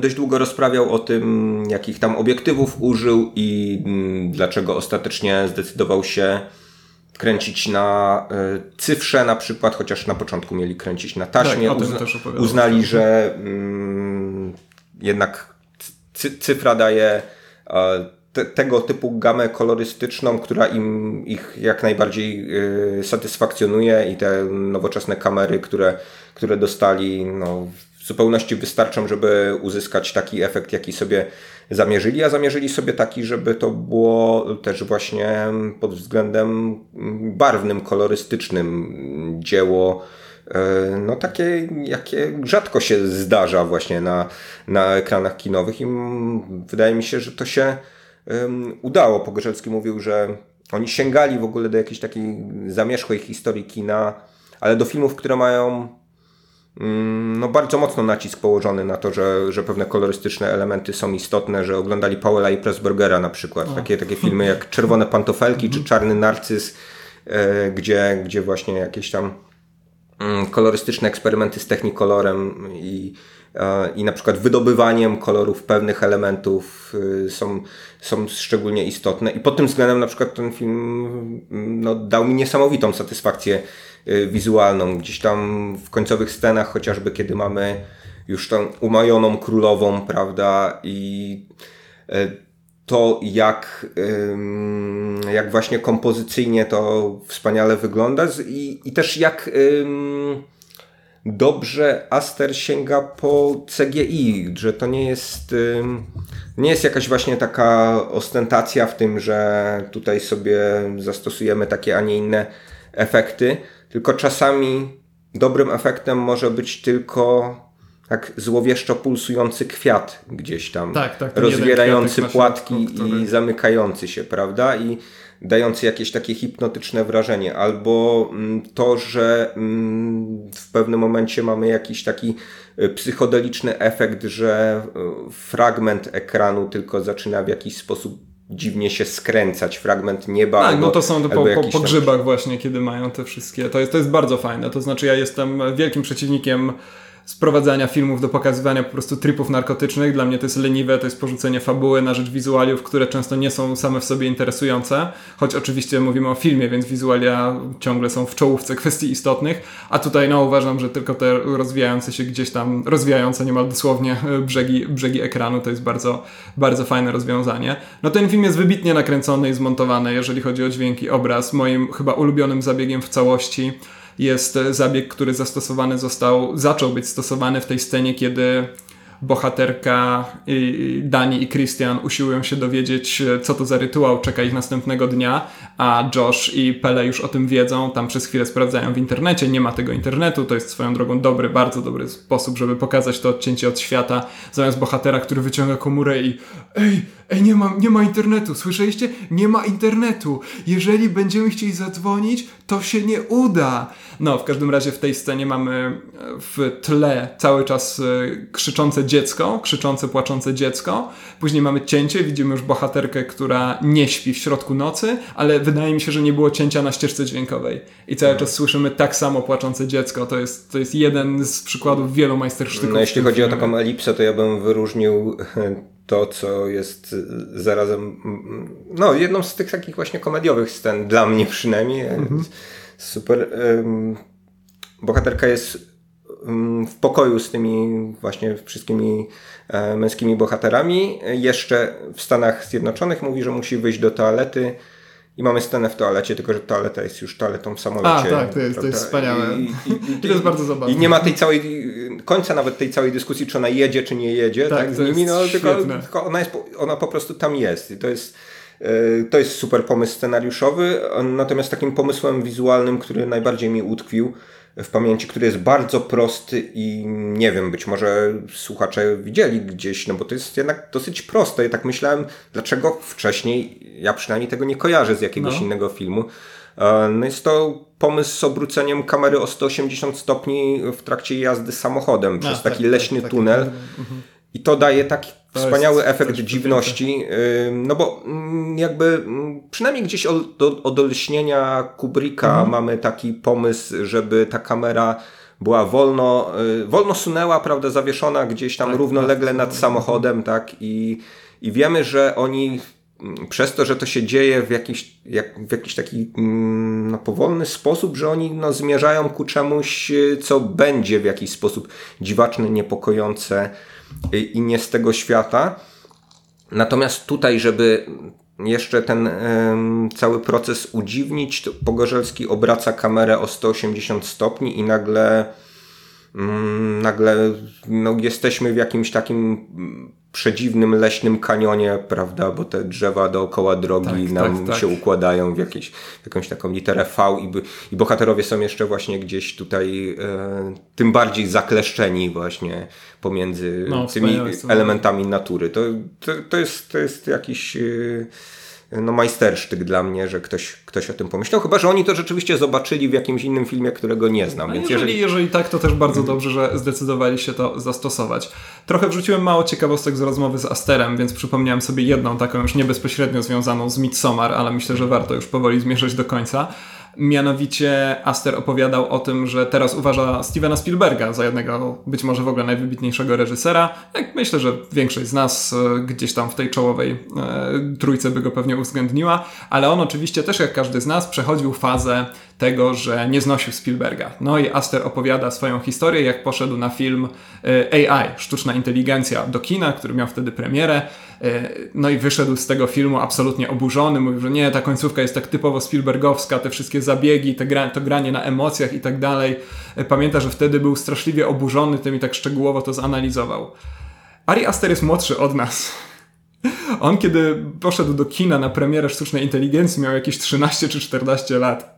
Więc bardzo mi się podoba ta wizja tego gimnazjalisty, mówiąc naszymi, no już też nieaktualnymi kategoriami, który wychodzi z filmu Sztuczna Inteligencja i mówi, no, Słuchajcie, tutaj mm, bardzo typowa ta Spielbergowska końcówka, troszkę rozczarowująca. Wydaje mi się, że osiąga tutaj już pewne, pe, pe, pe, pewien limit swoich rozwiązań. No byłby znakomitym nawet wtedy gościem tego podcastu, Ale, Ari Aster. Nie wiem, czemu obrażasz gimnazjalistów, których już nie ma swoją drogą Ja nikogo nie, nie obrażam, się... ja, tylko, ja tylko stwierdzam, że jest to zaskakująca e, głębia jak na jak, e, znaczy... przemyśleń, jak na wiek znaczy, lat wyda... Nie, no wydaje mi się, że jak miałem 13 czy 14 lat, to już oglądałem Tarantino i gardziłem Spielbergiem, więc to jest chyba taki A no, no, wiek, to, to właśnie to jest, to jest tak, ale e, szczerze zachęcam do przesłuchania tej szczegółowej analizy, która wtedy miała narodzić się w głowie Ariego Astera. No jeżeli chciałby wpaść do tego podcastu, to serdecznie zapraszamy. Jeżeli chodzi o fantastyczne zabiegi formalne, no to wydaje mi się, że tutaj też zrobił krok do przodu w stosunku do Hereditary,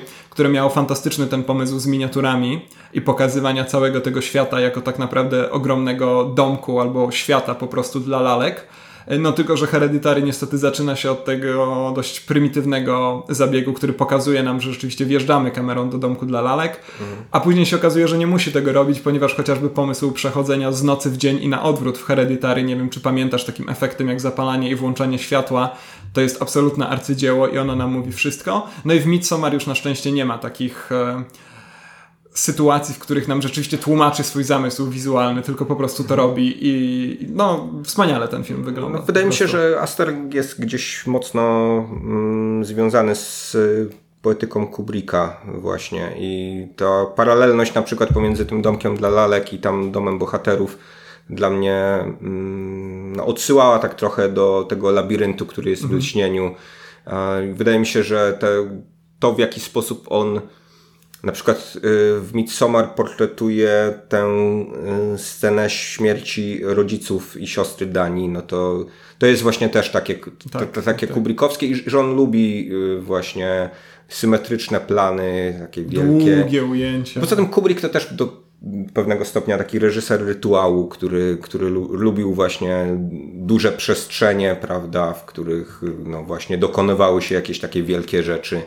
Więc jakby nie tylko ta no, ta scena orgi, która tutaj jednak jest zupełnie, zupełnie inna właśnie jak to, jak to wcześniej wypunktowaliśmy, ale sposób, sposób kręcenia gdzieś tam e, no, widać, widać tę kinofilię u Astera, tak, no nie tak, wiem, no tak. może, może dlatego, zresztą, może dlatego też tak lubię ten film, prawda? Mhm. On się pozycjonuje na kinofila i mamy wszelkie powody, żeby przypuszczać, że jest. E, swoją drogą powiedział też, że jednym z jego ulubionych filmów i taką inspiracją dla Midsommar jest film 45 e, lat czyli film, przypomnijmy, o e, rozstaniu e, dwój, starszego małżeństwa. Film, który no, nie ma wiele wspólnego z horrorem, aczkolwiek też jest zawieszony na pewnych takich, wydawałoby się, nadprzyrodzonych nad, no, tak, rozwiązaniach, no, o tym, że wyciąga się kogoś, kto jest całkowicie zakonserwowany przez lud.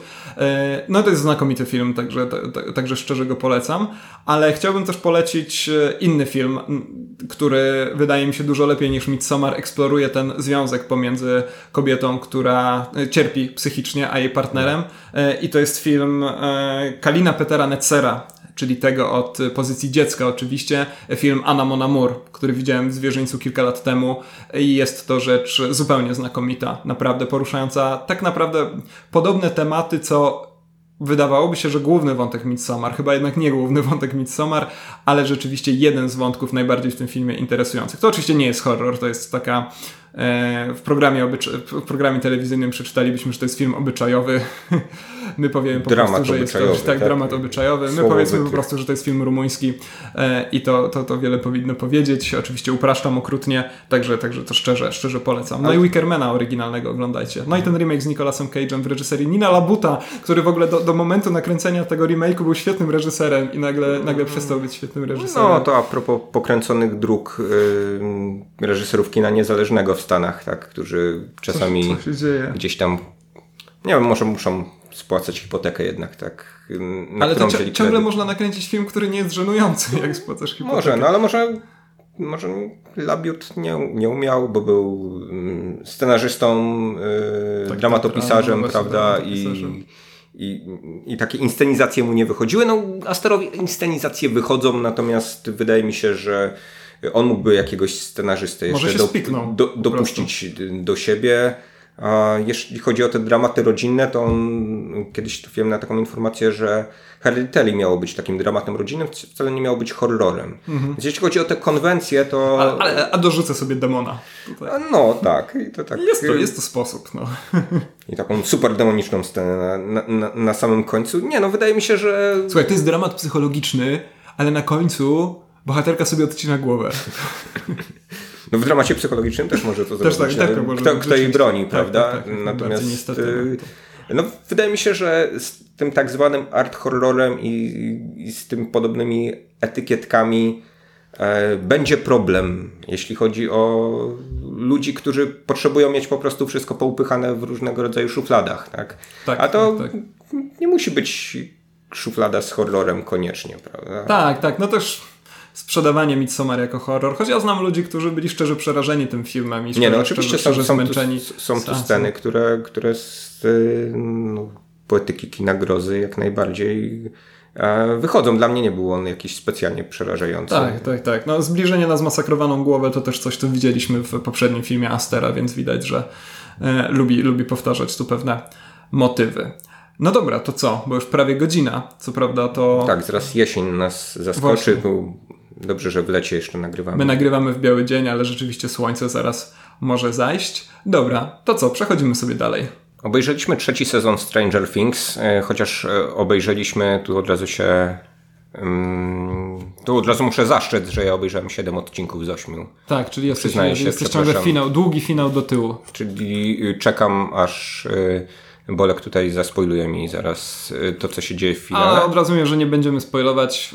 Zresztą pewnie widzieliście, jak doszliście do trzeciego sezonu Stranger Things, to znaczy, że już pewnie oglądaliście go w całości. Ja tylko powiem, że nie widziałeś nie tylko finału, ale też sceny po napisach. Ponieważ teraz nawet seriale muszą mieć sceny po napisach. Nie wiem, czy byłeś tego świadomy, ale to ci powiem, żebyś nie zemdlał ale od to, ale to tylko w finale, tak? Bo ja zwykle wyłączam wcześniej, więc jeżeli były po napisach każdego Nie, odcinka, nie mogliby to... tego zrobić, bo Netflix przecież e, po pięciu sekundach outra, napisów końcowych właściwie, yy, ma straszne problemy z językiem polskim ostatnio. Po pięciu sekundach napisach końc napisów końcowych każe ci oglądać kolejny odcinek, więc nie, nie mogliby nawet zrobić sceny po napisach. Może to i dobrze, że jest to scena po napisach, bo zamiast tego puściliby mi swoim zwyczajem zwiastun filmu, który mnie zupełnie nie interesuje i nigdy wcześniej o nim wcześniej nie słyszałem. Ale to znaczy, że doczekałeś do końca tych napisów. Ale Czy wiedziałem, widziałeś? że będzie, A, wiedziałem, że będzie scena po napisach, więc, e, więc zobaczyłem. No, jest ona mm, bardzo rozczarowująca, muszę przyznać, ale. W przeciwieństwie do scen po Spider-Manie, tak? Tak, Powiedziałeś mi, że... tak, tak, tak, gdzie tam postanowili e, popchnięcie naprzód budowę uniwersum, zrzucić w ogóle do dwóch scen Mhm. po napisach, co jest niezwykle zabawne. No to tutaj mamy scenę, która jest bardzo belejaka. Ale zanim przejdziemy do. Nie, może kiedyś sobie, tak sobie pomyślałem, poświęcimy Mhm. Tylko- tro, trochę tak. miejsca w podcaście na temat yy, Scen po napisach? tak. E, Dobrze, dobrze, możemy je wszystkie zanalizować, no zwłaszcza, że nie zostały wymyślone przez Marvela, więc moglibyśmy mieć jakąś taką archeologię scen po napisach, to by było Znaczy, zwykle Ciekawe. omawiamy sceny po napisach, tylko po napisach początkowych. A teraz już mało, to, teraz już e, rzadko są napisy początkowe, prawda? Więc, e, więc Nie, no, to zdarzają trudno się. jest to. Ja, mnie nie brakuje tych takich czołówek e, z lat 60., gdzie masz, Znaczy, była 60., no. podobne jakieś, Jeszcze wcześniej. jakieś badania były wprowadzone w Hollywoodzie. Amerykańscy naukowcy, Aha, to zawsze słucham. tak, no, jednak współczesny widz y, Nie wytrzyma, do, nie? Tak, domaga się akcji. No, nie może być tak jak... Na, To nie jeszcze- będą w środku filmu. Po prostu nagle, takie z- zaskoczenia nagle. Zresztą czasem tak jest, że oglądasz film i nagle, nagle pojawia ci się czołówka, już zapomniałeś o tym. Jasne, ale na pewno nie tak długa, jak to bywało kiedyś. Ja mm, No, jakiś czas temu, oglądając któryś z filmów Cronenberga, miałem jakiś taki naprawdę, jakieś takie dziwne uczucie, że te napisy się nie, nie skończą, że dlaczego w ogóle to tyle No to trwa, pasowało do Cronenberga, jest- taki body horror na widzu, któremu już e, wypływają oczy. Przypomina mi się sketch z Family Guy'a w czasach, kiedy chyba, nie wiem czy takie czasy naprawdę istniały, czy też to jest moja wyobraźnia z czasów dziecięcych, kiedy Family Guy jeszcze był umiarkowanie zabawny, kiedy Peter przychodzi na film i cały czas wydaje mu się, że film się już zaczął, ale to są tylko e, animacje reklamujące kolejne wytwórnie i studia.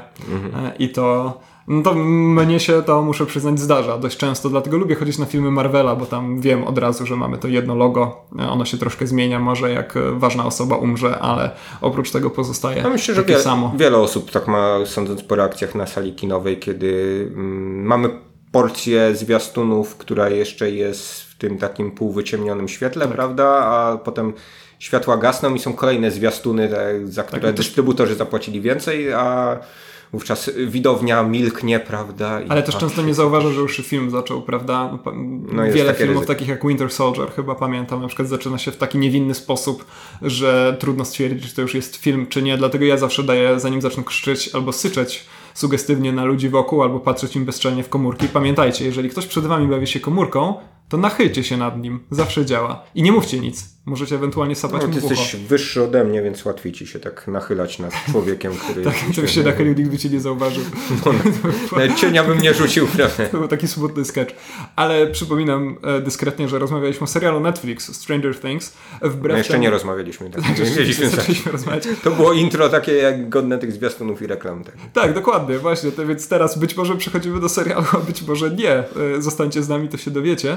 E, Ale w każdym razie jest to trzeci sezon, na co nie wskazują plakaty, jakie zawisły w Krakowie i w Warszawie. Wydaje mi się, że jest to recykling plakatów z pierwszego sezonu, bo widzimy tam ten rozwalony rower po A, prostu. Nie, ale nie, nie jestem widziałem, pewien. co zawisło w Krakowie. Przy dworcu Da- chociażby wiszą, da- wiem, bo da- byłem tam Dawno tam nie byłem, bo jestem chory trochę jeszcze, także z Nowej Huty daleko. więc- Trzymasz się z dala od e, plakatów. Ale może jeszcze zdążę dobrze. zobaczyć, zobacz. zobaczymy jak długo powiszą. No dobra, ale Michał, wróciłeś do Hawkins trzeci raz. E, I co? Warto było?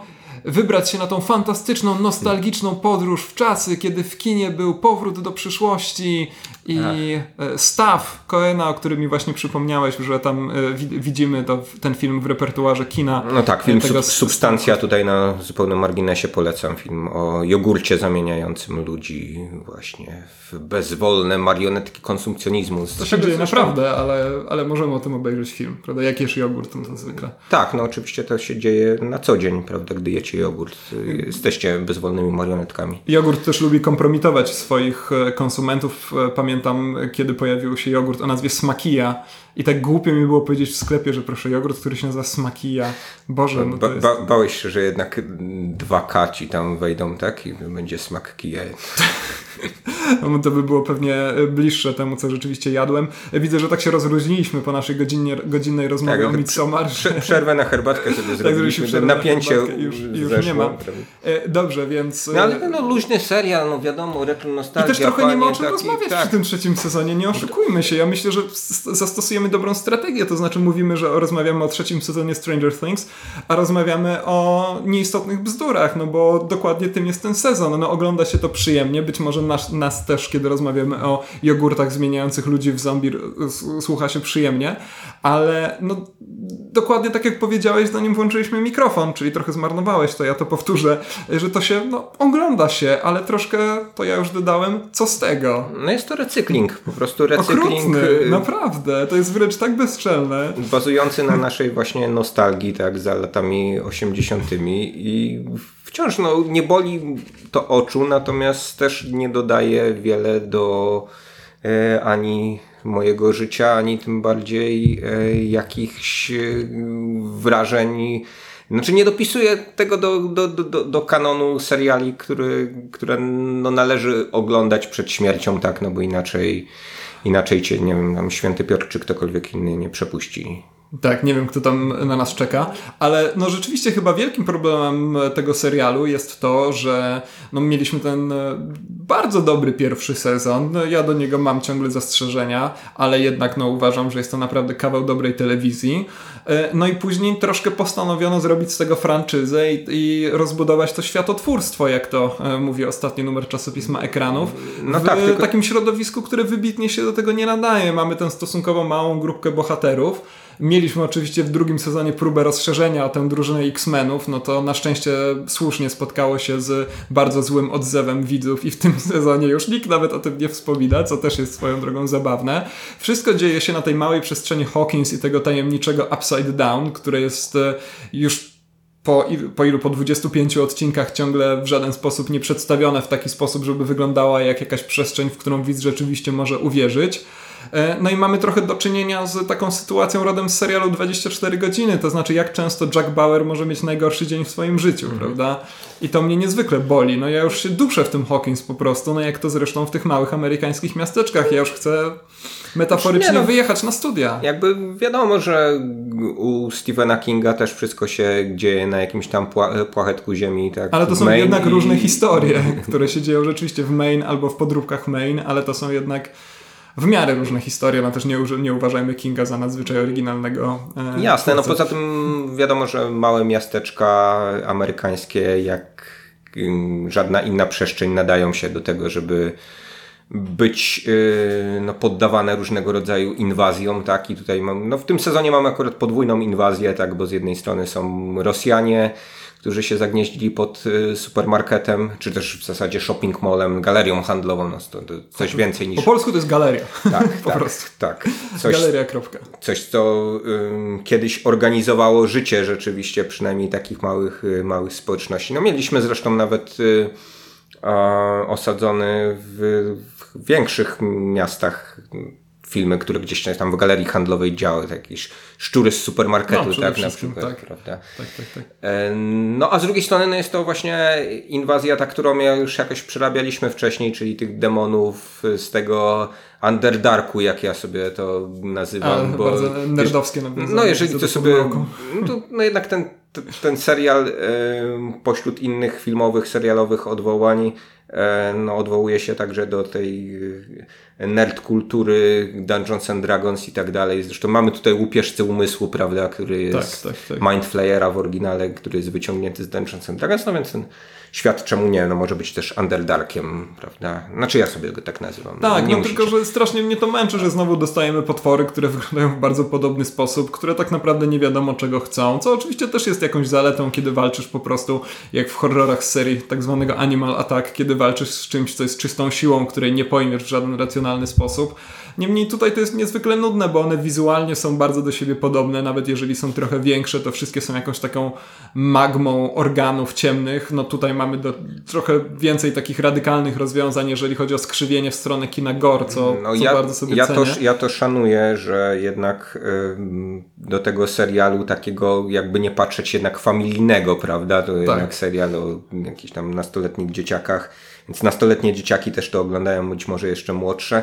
E, wchodzą elementy takiego body horroru, prawda, rodem wręcz, z tak. Cronenberga, bo jednak y, widzimy tu gdzie niegdzie, że y, no to wielkie demoniczne indywiduum składa się z kości tkanek ludzkich i no i nawet mamy taką scenę, która jakby nam wprost wprost pokazuje przeobrażanie się tak, tak, tych właśnie sugestywne, świetnie zrobione. Nie tyle ludzkich, no to wyglądających na ludzkie postaci, prawda? Ich, ich deformacje i, i, i jednak, jednak łączenie się właśnie z tym wielkim koloidem takim. No więc, więc to jest, to, to, to jest ok, natomiast to jest jakiegoś rodzaju powtórka taka trochę y, podostrzona właśnie, jak powiedziałeś, z pierwszego sezonu. No ale jako dodatek mamy, mamy Rosjan i no, pokazanych. Tak, mam jakieś takie wyobrażenie na temat Rosjan, prawda? Którzy ja też nie wymagam pogłębionej analizy e, specsłużb rosyjskich, ale no też mamy taki przegląd rosyjskich szablonów i jest to to troszkę... No mamy tu ostentacyjne nawiązanie przede wszystkim do Czerwonego Świtu. Tak, który był... zresztą zostaje wymieniony z nazwy kilka razy. Tak. Johna Miviusa. To polecamy ten film? Na pewno nie polecamy remake'u z mm. którymś z Hemsworthów. Bo powiedzmy, Czerwony tylko, Świt, to jest myślę, że... Fi film, w którym właśnie Rosjanie dokonują inwazji na, tak, Stany, udało Zjedno się w końcu. na Stany Zjednoczone i no, to jest taki obraz dosyć typowy dla tej ery Reagana, kiedy to powtórnie mm, Związek Radziecki, powtórnie mówię, po tych latach jakiegoś takiego na, największego strachu przed tego, tego Red Scare, strachu przed tą czerwoną zarazą w latach, w latach 50. powtórnie oni stali się wrogiem numer jeden. Ronald Reagan powiedział zresztą, że Związek Radziecki to imperium zła, prawda? Tą gwiezdnowojenną retorykę zaprzągł tak, właśnie do swoich wypowiedzi. No i trochę no, na, na, na fali tego wszystkiego zaczęto realizować takie filmy. Nie tylko, nie tylko takie jak Rambo 2 czy Rambo 3 w zasadzie, no bo w trójce dopiero mamy gdzieś tam żołnierzy radzieckich tak, po, to, to jest też ciekawe, po, po, drugiej, po drugiej mhm. stronie. No ale też, też takie zupełnie fantastyczne koncepty, jakoby to dogorywający już w latach 80. mocno e, Związek Radziecki był zdolny do czegoś takiego jak nie wiem, ekspansja, tak inwazja na, na Stany tak, cicha inwazja Zjednoczone. No i ten film Miliusa oczywiście jest taką zupełną głupawką, tak? Tak, no jak to John Milius, no po prostu e, trudno go nie myślę, szanować. Myślę, że, to, no myślę, że tę konwencję tutaj w Stranger Things y, się trzyma, tak, no bo ci Rosjanie są y, no, kartonowi absolutnie, tak, no, tak. Są, Nie są... mówią z brytyjskim akcentem, co mnie zdziwiło po, sześć, po pięciu odcinkach Czarnobyla. No, no w ogóle no. niewielu z nich mówi po angielsku, co jest jakimś, jakąś no, totalnie bzdurną koncepcją, no bo jednak rezydują gdzieś y, w okolicach amerykańskiego miasteczka, czasami wychodzą gdzieś tam na tak. powierzchnię, prawda? uzbrojeni w broń automatyczną, nie wiem. Są strażnikami. Są, Strasznie wzburzony jest Michał tutaj. Są strażnikami jakiegoś, e, jakiegoś e, magazynu no, no tak, jest, jest no, rozumiem, że jest to rzeczywiście... Jest, jest to korni, jak to mawiają. No, tak, tak, tak. Do tego mamy tą nieszczęsną e, parodię Schwarzeneggera, która jest bardziej męcząca niż zabawna, jak mi się no, zdaje. Odwołań do Terminatora w każdym odcinku to można chyba tak, kilka tak, tak. policzyć, prawda? Jest scena szpitalna z Sarą Connor, tu jakoś, jakoś powtórzona, jakieś e, wielkie buciory stąpające po szkle, tak, tak, i tak. miażdżące inne obiekty, też takie właśnie E, Cameronowskie. Więc Okej, okay, no. Okej, okay, ale co z tego, prawda? No sporo mrugnięć okiem, jeśli ktoś bardzo lubi lata 80., bardzo lubi właśnie tam. Tak i podchodzi do nich tak. wyjątkowo bezkrytycznie, no bo to jest, to był zawsze problem ze Stranger Things i trzeci sezon tylko to podkreśla, że tutaj mamy tę nostalgię w najgorszym, takim najmniej pożytecznym, może nie najgorszym, ale najmniej pożytecznym wydaniu, kiedy to jest nostalgia bezrefleksyjna, która przedstawia nam to rzeczywiście jako jakiś e, złoty wiek. E, w dużej mierze oparte jest to właśnie na tym, za za czym tęsknimy i nawet jeżeli my tutaj w Polsce żyjemy jakąś taką amerykańską tożsamością wyobrażoną, to jednak mhm. doskonale znamy dużą część z tych artefaktów kulturowych, no i możemy się tym jarać, ale myślę, że żadna krytyczna refleksja się tutaj nie narodzi, a biorąc pod uwagę, że fabuła też jest dość marniutka, to może być może taka, może być może taka krytyczna refleksja mogłaby troszkę ten serial rozwinąć, no bo fabuła jest, jest strasznie miałka, naprawdę, jak ja po raz kolejny zobaczę potwora, który atakuje mały dom, to w tym serialu to już nie szczymam po prostu. W sensie nie wiem, co miałbym zrobić, ale... Rozmawialiśmy o tej scenie wcześniej, że na poziomie takim inscenizacyjnym nawet poszczególnych sekwencji to też nie jest dobrze napisane i dobrze zrealizowane, tak chociażby ta e, scena właśnie ataku potwora na jakąś tam leśną chatkę. E, no moim zdaniem jest, jest, jest bardzo źle napisana, bo mamy bohaterów wybiegających przed tą chatkę, widzących potwora, on się już gdzieś tam zbliża. Wydaje się, że ta konfrontacja nastąpi przed chatką, podczas gdy za chwilę mamy y, tych bohaterów, którzy się barykadują w chacie, chociaż tak, potwór już powinien tę chatę zmieść w tym, w, tym, w, tym czasie. No i to wydaje mi się po prostu jest złe na poziomie jakiejś takiej, takiej czystej realizacji, ale na takim poziomie szerszym, no to no może niespodzianka dla niektórych, ale Uwaga. polecam sobie obejrzeć raz jeszcze te dzieła, które dobrze zapamiętaliśmy z lat 80 no, znakomita większość z nich jest jednak słabymi filmami, które nam się podobały, bo byliśmy młodzi tak, i, i fascynowały nas jakieś tam nowe rzeczy, prawda? I takie, których jeszcze nie widzieliśmy na ekranie. I są rzeczy, które się ym, nie zestarzały albo zestarzały y, słabo, tak jak y, Powrót do przyszłości, który tutaj jest y, wprost jakby cytowany na ekranie tak. kina w tym serialu takie rzeczy jak coś y, Carpentera. No to wciąż... będzie arcydzieło do końca no, istnienia jakby... kina. Tak, no, wciąż... Nawet jeżeli postawimy to obok Coca-Coli w najbardziej absurdalnej scenie trzeciego sezonu serialu. Wciąż warto takie rzeczy oglądać, natomiast no, chyba nie warto sobie y, przypominać Czerwonego Świtu, jeśli go widzieliśmy już wcześniej. No a już takie rzeczy jak właśnie ta wspomniana wcześniej substancja, która tu się pojawia jako to pod wpływem ty, tytuł kinowy. Warto. E, jakieś. No tak, albo na takich seansach najgorszych filmów. Yy, polecam filmografię Larego Coena swoją drogą. To jest, to jest człowiek, który dużo ma. Tak, na substancje możecie trafić w czasie pokazów organizowanych przez VHS Hell, na przykład nadmorskie, które zawsze szczerze polecamy. Pogadajmy sobie może, tak usiłuję złapać coś w tym y, serialu, o czym rzeczywiście można odbyć no może, może bohaterów się jakiś Właśnie, złapiesz, chciałem, nie wiem, czy chciałem, się Tak, myślę, że warto, warto się złapać tych hmm. bohaterów. Y, wiele osób zarzuca temu serialowi, temu sezonowi, że on się bardzo późno późno zaczyna rozkręcać. Tymczasem mnie się zdaje, że on siada właśnie na czterech literach wtedy, kiedy zaczyna się rozkręcać ponieważ no tutaj mamy dość duże szczęście castingowe, no i też e, mamy bardzo nie tylko sympatyczne te postacie, bo sympatyczne to ja też jestem, co nie znaczy, że umiem grać, a tu rzeczywiście mamy kawał dobrej aktorskiej roboty i z dziką radością patrzę na te dzieciaki, kiedy one po prostu są dzieciakami, zwłaszcza kiedy Eleven usiłuje jakoś funkcjonować jako normalna nastolatka. I dlatego według mnie pierwsze 3-4 odcinki tego sezonu to jest największa radość, a później kiedy znowu pojawiają się jakieś potwory to, to ja już troszkę, troszkę przysypiam. Ja chcę, ja chcę więcej montażu z Eleven przebierającą się w supermarkecie po prostu. Znaczy, trochę, w klasykach. Trochę kina. twórcy, no, bracia Duffer zaczynają tutaj grać te, też y, takim y, sentymentem, który, y, którym grał Harry Potter, tym, że właśnie a rok po roku dostajemy tak, tych bohaterów trochę starszych, mhm. właśnie jakoś widzimy jak oni się zmieniają, prawda, no bo ci aktorzy aktorzy rosną. Tutaj mamy wprowadzenie już y, nastoletnich problemów, to znaczy oni już powoli przestają być dziećmi, zaczynają być nastolatkami ze swoimi jakimiś tam miłosnymi zainteresowaniami i tak dalej. E, no ale co ciekawe, na przykład nie zmieniają fryzur, e, co dla mnie byłoby. Hmm. To jest to ciekawe. Wydaje mi się jakąś taką. Fryzury, tak, tak, tak, ona, ona, chyba najczęściej Ona chyba fryzurę. tak, no, znaczy być, być może Ciekawy temat do rozważania.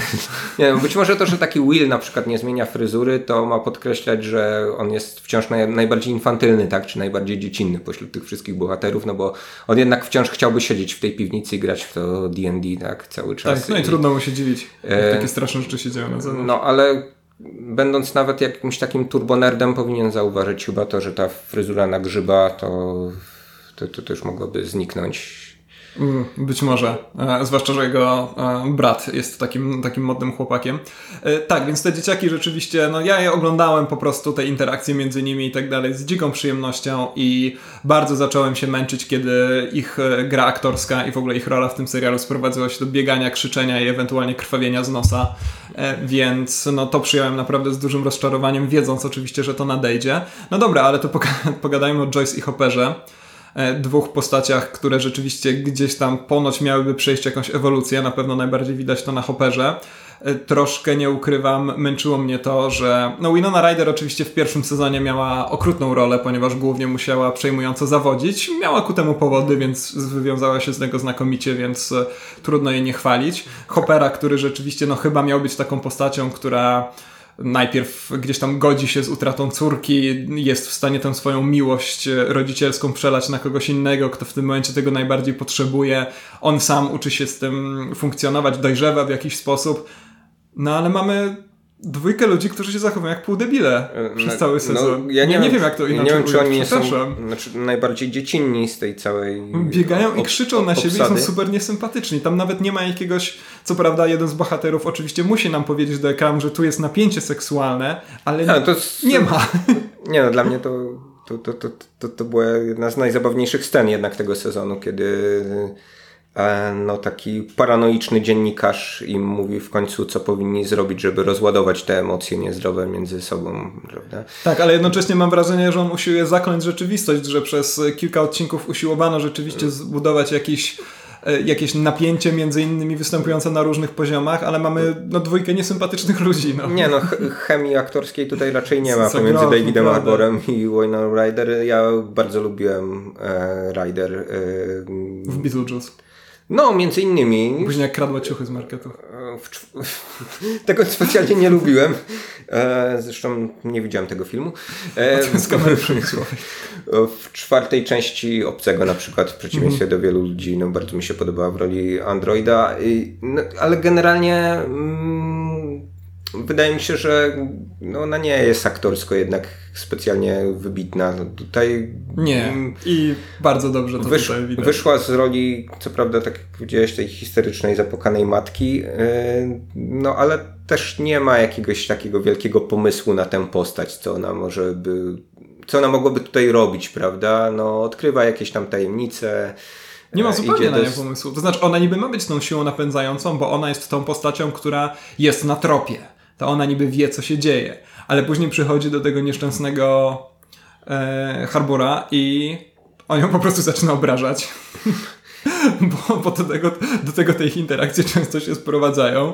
Ona później okazuje się, że nawet pistoletem nie umie ładnie rzucić, co jest źródłem chyba najzabawniejszej sceny według mnie z kolei w tym, w tym serialu. Znaczy, no, biorąc pod uwagę są, to ga, jest fatalne gabaryty Rider, to ona powinna raczej nie dorzucić, a ona to przerzuca. To, nie? Tak, to jest, jakieś no to adrenalina działa, to siły, wtedy, nie? kiedy podnosisz samochód, żeby uratować dziecko, prawda? Co akurat do postaci Joyce pewnie bardzo by pasowało. Więc ja, ja powiem szczerze, że tej sceny oglądałem z rozwartą szczęką, to znaczy ja nie rozumiałem, co tu się dzieje. Znaczy, to jest, to jest w ogóle bardzo dużo postaci i mm, jak to przy, produkcjach z tak wieloma postaciami, no nie ma pomysłu specjalnie, żeby zagospodarować e, wszystkie.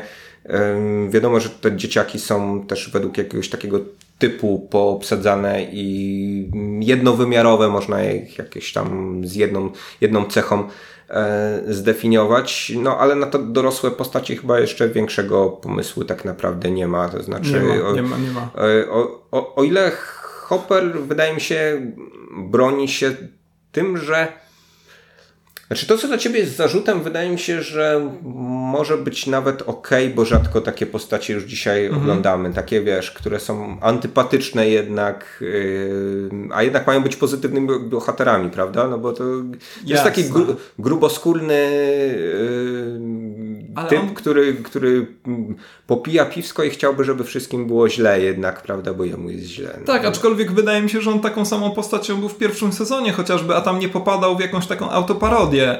A tutaj on mnie zupełnie nie przekonuje jako taka konsekwentna kreacja postaci. Ty go teraz tutaj pięknie opisałeś, ale ja takiej postaci nie widzę na ekranie. Ja widzę y, autoparodystycznego faceta, którego chyba reżyser, reżyserzy nie potrafią poprowadzić. On też już za bardzo nie ma na to żadnego pomysłu i po prostu szarżuje przed tą kamerą. Być może to jeszcze z tego Hellboya mu zostało. Swoją drogą zastanawiam się nad jego stanem fizycznym, czy co najpierw kręcono, no bo to jest niezdrowe, tak chudnąć i, i tyć, chudnąć i tyć. No, ale, ale ale myślisz, że musiał schudnąć do roli Hellboya? No wydaje mi się, ja filmu nie widziałem, ale widziałem jakieś jego ujęcie z siłowni. Okej. Gdzieś na, na, na Twitterze. E, Nie, no wiem, nieważne. To- Wydawało mi się, że w takiej roli jak Hellboy to i tak cię obłożą cię jakimś plastikiem, który będzie symulował, że masz sześciopak i... no tak w ogóle w- powinno być. Każdy z nas powinien coś takiego Wa- mieć w szafie. To by rozwiązywało wiele Wa- ważne, że jesteś odpowiednio postawnym gościem, no a David Harbour takim niewątpliwie jest. Jest, jest, jest, rzeczywiście. No okej, no być może to jest y, to, co on gra, to tutaj jest jakby konsekwencja tej, tej roli. Jakaś dzika szarża, roli naprawdę. I wokół niego ta Joyce, która no biega wokół niego, skacze wokół niego i Winona Ryder, która też po prostu chyba nie umie siebie spozycjonować e, wobec Mhm. tej postaci i, i to mi się, Tak, no ja bardzo, się naprawdę nie no, bardzo się cieszę, że jakoś Stranger Things ją przywróciło światu, tak i no i może jeszcze Ryder coś ciekawego zagra, natomiast no tak, no tutaj nie ma, nie ma jakiejś specjalnie dla niej, dla niej roli. Znaczy ona od pierwszego sezonu, kiedy rzeczywiście wszyscy sobie o niej przypomnieli, e, tam Matthew Modine przecież też, e, czy też Modin grał też w pierwszym sezonie, przypominam, a Mhm. propos zapomnianych aktorów, ale czy świat sobie przypomniał rzeczywiście o Ryder? Czy ona zagrała gdzieś? Czy teraz wstukujesz na IMDB? e, Właśnie- na- właśnie- właśnie to robię. I teraz ja muszę mówić cały czas, kiedy, kiedy ty coś e, Oczywiście wstukujesz? musisz to robić cały czas. Czy będę, będę zdawał relację z tego, co tutaj robisz? Wstukasz w klawiaturę. Zagrała w filmie Weselne Przeznaczenie. To, to na Jezus, pewno przełom dla jej kariery. jak... e, No Nie, no to jest film, z którym zagrała z Keanu Reevesem. Ja Czyli z mężem. zdążyłem zapomnieć tego. Weselne przeznaczenie brzmi jak skrzyżowanie horroru z komedią romantyczną, czyli bardzo, e, bardzo fajny pomysł. No i taki film z Keanu Reevesem jednak ten efekt horroru chyba pogłębia tylko. Tak, no zwłaszcza, że Keanu Reeves wygląda jak e, dorosły, dorosły Mike Ale- ze Stranger Things, to już tym bardziej. Ale to właśnie sobie uświadomiłem przecież taki powrót do Drakuli Coppoli. No tak, rzeczywiście. Gdzie tworzyli ciebie- parę też. No. Dla, dla ciebie No to może raz. jednak obejrzę film, który Tak, się nazywa no, Destination Wedding, no, ale, ale to, to tak naprawdę jej jedyna rola, jak teraz widzę po Stranger Things i zapowiadany jest Beetlejuice 2.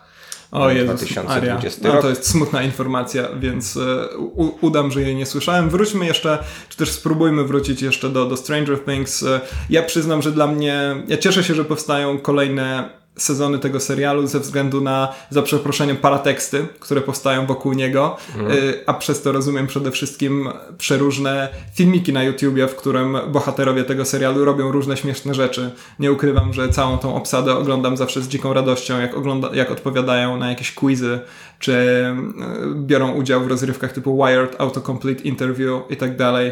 Uwielbiam oglądać chociażby Ann Dyer, która gra Nancy Zresztą uważam ją za nadzwyczaj atrakcyjną aktorkę, więc nie ukrywam, że dla mnie też jest to przyczyna, żeby oglądać ten serial. Myślę, że tak dobra jak każda inna, więc e, jeżeli będą powstawać kolejne sezony, to być może ja po prostu je odpuszczę i zacznę oglądać sobie filmiki na YouTubie, które promują te sezony i no, tyle. Pojawił się też taki sygnał, nie wiem na ile motywowany przez wytwórnię, na ile przez jakieś mhm. życzenia fanowskie, żeby bracia Duffer robili Gwiezdne Wojny, tak? To jest y, dla mnie to jest okropny przykład, szczerze mówiąc, takich bardzo głośnych nawoływań, które biorą się znikąd. Pamiętam kiedyś, ciekawe, że poruszyłeś ten temat, pamiętam kiedyś e, taką sytuację, kiedy ktoś wziął zdjęcie Sebastiana Stana, którego, no, znamy go z wielu filmów, ale powiedzmy, że jego najsłynniejszą rolą jest Bucky, zimowy żołnierz z e, marvelowskich filmów po prostu dokonano jakichś tam minimalnych przeróbek w jego fryzurze, przeróbek w jego fryzurze i okazało się, że wygląda idealnie jak młody Mark Hamill. I nagle zaczęło się jakieś takie dzikie, bardzo głośne wzywanie do tego, żeby nakręcić film z Sebastianem Stanem jako młodym Markiem Hamillem. Jeżeli chodzi o... jako, jako może nie miałby grać Marka Hamila, to nie wiem, y, czy byłoby to jakieś nadzwyczaj sensacyjne życie, ale oczywiście jako młodym Luke'em Skywalkerem. Mm, Mark Hamill teraz ma ciekawsze życie, kiedy pisze okropne rzeczy na Twitterze i obraża ludzi wokół. Ale w każdym razie, jeżeli chodzi o braci Duffer, no to pojawiła się też taka słynna grafika, gdzie ci bohaterowie wmontowani są, czy też przedstawieni po prostu jako bohaterowie Gwiezdnych Wojen. E, ponieważ mamy też jednego czarnoskórego bohatera w Stranger Things, no to odpowiada to oczywiście tej proporcji w klasycznej gwiezdnowojennej trylogii. No inna sprawa, że Bobby, a, a, Millie Bobby Brown, która gra Eleven, rzeczywiście wygląda jak, e, tu powiem tak w klimacie tych e, gorowych scen ostatnich ostatniego sezonu, jak skóra zdarta z młodej e, Carrie Fisher, więc rzeczywiście też mm. pojawiły się wezwania, że miałaby grać. Nie, ja nie chcę, żeby bracia Duffer jakby oni mi... Czemu oni by to mieli robić, skoro nie zrobili jeszcze nic tak naprawdę, co dałoby im do tego legitymację artystyczną? No, to no. jest podobny pomysł jak no, zatrudnianie tych panów, których nazwisk nie wymienię, znanych jako Dumb Dumber, yy, którzy no, zrobili grę o Tron, prawda? I a, teraz tak się o nich mówi, tak? Y, tak. Inne, inne, inne rozczytanie DD, tak? tak. Które, czyli, czyli inicjałów. Tak, dokładnie, no, no nie no, ale wydaje mi się, że mm, brat, że, że, że, że ci e, co swoją drogą skrótem jest bardzo w klimacie Stranger Things z kolei, e, no to oni rzeczywiście mm, no mają chociażby mm, obiektywnie rzecz ujmując i licząc czas spędzony na planie większe doświadczenie, tak mi się wydaje, niż bracia Duffer. Ja nie znam oczywiście ich znaczy oczywiście, może powinienem znać, ale nie znam ich filmografii, tu widzę, że Michał już coś dyskretnie wstukuje do IMDB, ale wydaje mi się, że nie ma jeszcze żadnego usprawiedliwienia po to, żeby zabrali się za coś, co e, nie ma nic wspólnego z polityką też kręcenia serialu telewizyjnego. Ja wracam i w trzecim sezonie to jest akurat ciągle aktualne, kiedy pisałem recenzję pierwszego sezonu do ekranów bardzo, bardzo dawno temu,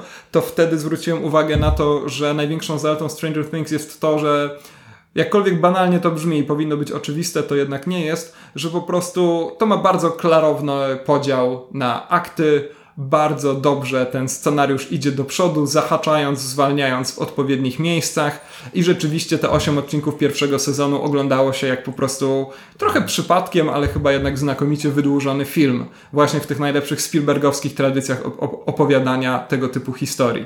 No, no po, poza tym wydaje mi się, że ta fala takiej nostalgii za latami 80. wtedy wzbierała, prawda? Tak, to znaczy tak, to tak ja już czuję lekki przesyt tym recyklingiem, który następuje ze wszystkich świata stron.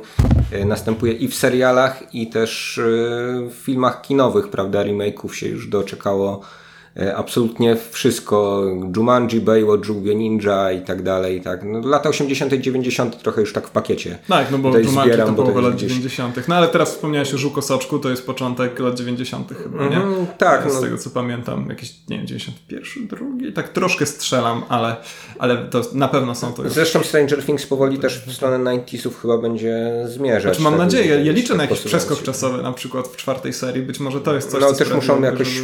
Podążać za wiekiem bohaterów, prawda? Muszą to jakoś tak dostosowywać. Tak, oczywiście to, to jest wyzwanie, z którym no chociażby autorzy gry o Tron sobie nie poradzili, kiedy postać, która jak się okazało odgrywa kluczową rolę w ostatnich scenach ostatniego odcinka, ostatniego sezonu, znika e, z jednego z poprzednich mm. sezonów, bo gdzieś tam z dorastaniem aktora nie udało się sobie poradzić. E, dobra, no robi nam się z tego rzeczywiście taka luźna rozmowa o wszystkim, zamiast tradycyjnej dla nas ostrej analizy każdej sceny i radykalnych ocen każdego rozwiązania. Dla naszych e, nowych słuchaczy uspokajamy, że znaczy... na, na co dzień staramy się nie popadać w taką magmę dyskusyjną, ale no wymyśliliśmy, że będziemy rozmawiać o tym trzecim sezonie chyba trochę pochodnie, ponieważ kiedy go obejrzeliśmy albo prawie obejrzeliśmy, to okazało się, że no jest to magma. Znaczy ja chciałem tylko powiedzieć, że magma organów od czasu ludzkich. tego pierwszego sezonu właśnie nie tylko przybyło rzeczy recyklujących 80 i 90 tak zwane, ale też y, przybyło dobrych produkcji, które gdzieś tam trochę w te tony wpadają i też y, takich produkcji serialowych, które opowiadają o dziwnych rzeczach w taki dziwny, dosyć niespotykany sposób. Mówię, że Stranger Things opowiada w taki sposób dosyć klarowny, dosyć klasyczny. Natomiast no, mamy takie seriale jak Dark i Legion, prawda? Legion mamy w tym momencie w toku trzeciego i ostatniego sezonu, no a Howley zapowiedział, że tu będzie takie domknięcie. No i szacunek to jest człowiek, który um, jakby widzi te swoje produkcje jako jakieś takie zamknięte całości. Pracuje też dla mniejszych telewizji, prawda? Mm. Więc to jest, to, to jest zaleta, wydaje mi się po prostu. Nie jestem pewien, jak ten system działa, ale wydaje mi się, że łatwiej skończyć serial, który robisz dla FX, mm niż e, milionową franczyzę dla, dla Netflixa. Po takim gęstym, dosyć e, jednak e, koniec końców wydaje mi się męczącym drugim sezonie Legionu, choć wciąż no, trzymającym wysoki poziom, w tym trzecim wydaje mi się, że jest znów lepiej. Być może gdy ten serial się zakończy, no jakoś sobie jeszcze trochę o nim powiemy, ale to jest jedna rzecz, którą chciałem oczywiście polecić jako mm, nie wiem, remedium, ale odskocznie tak od Stranger Things. Ta druga to Dark, niemiecki serial, który jest bardzo mocno ze Stranger Things e, porównywalny. No przy czym zastrzeżenie widziałem do tej pory tylko pierwszy sezon, drugi sezon mm. wyszedł chwilę przed Stranger Things i e, no mamy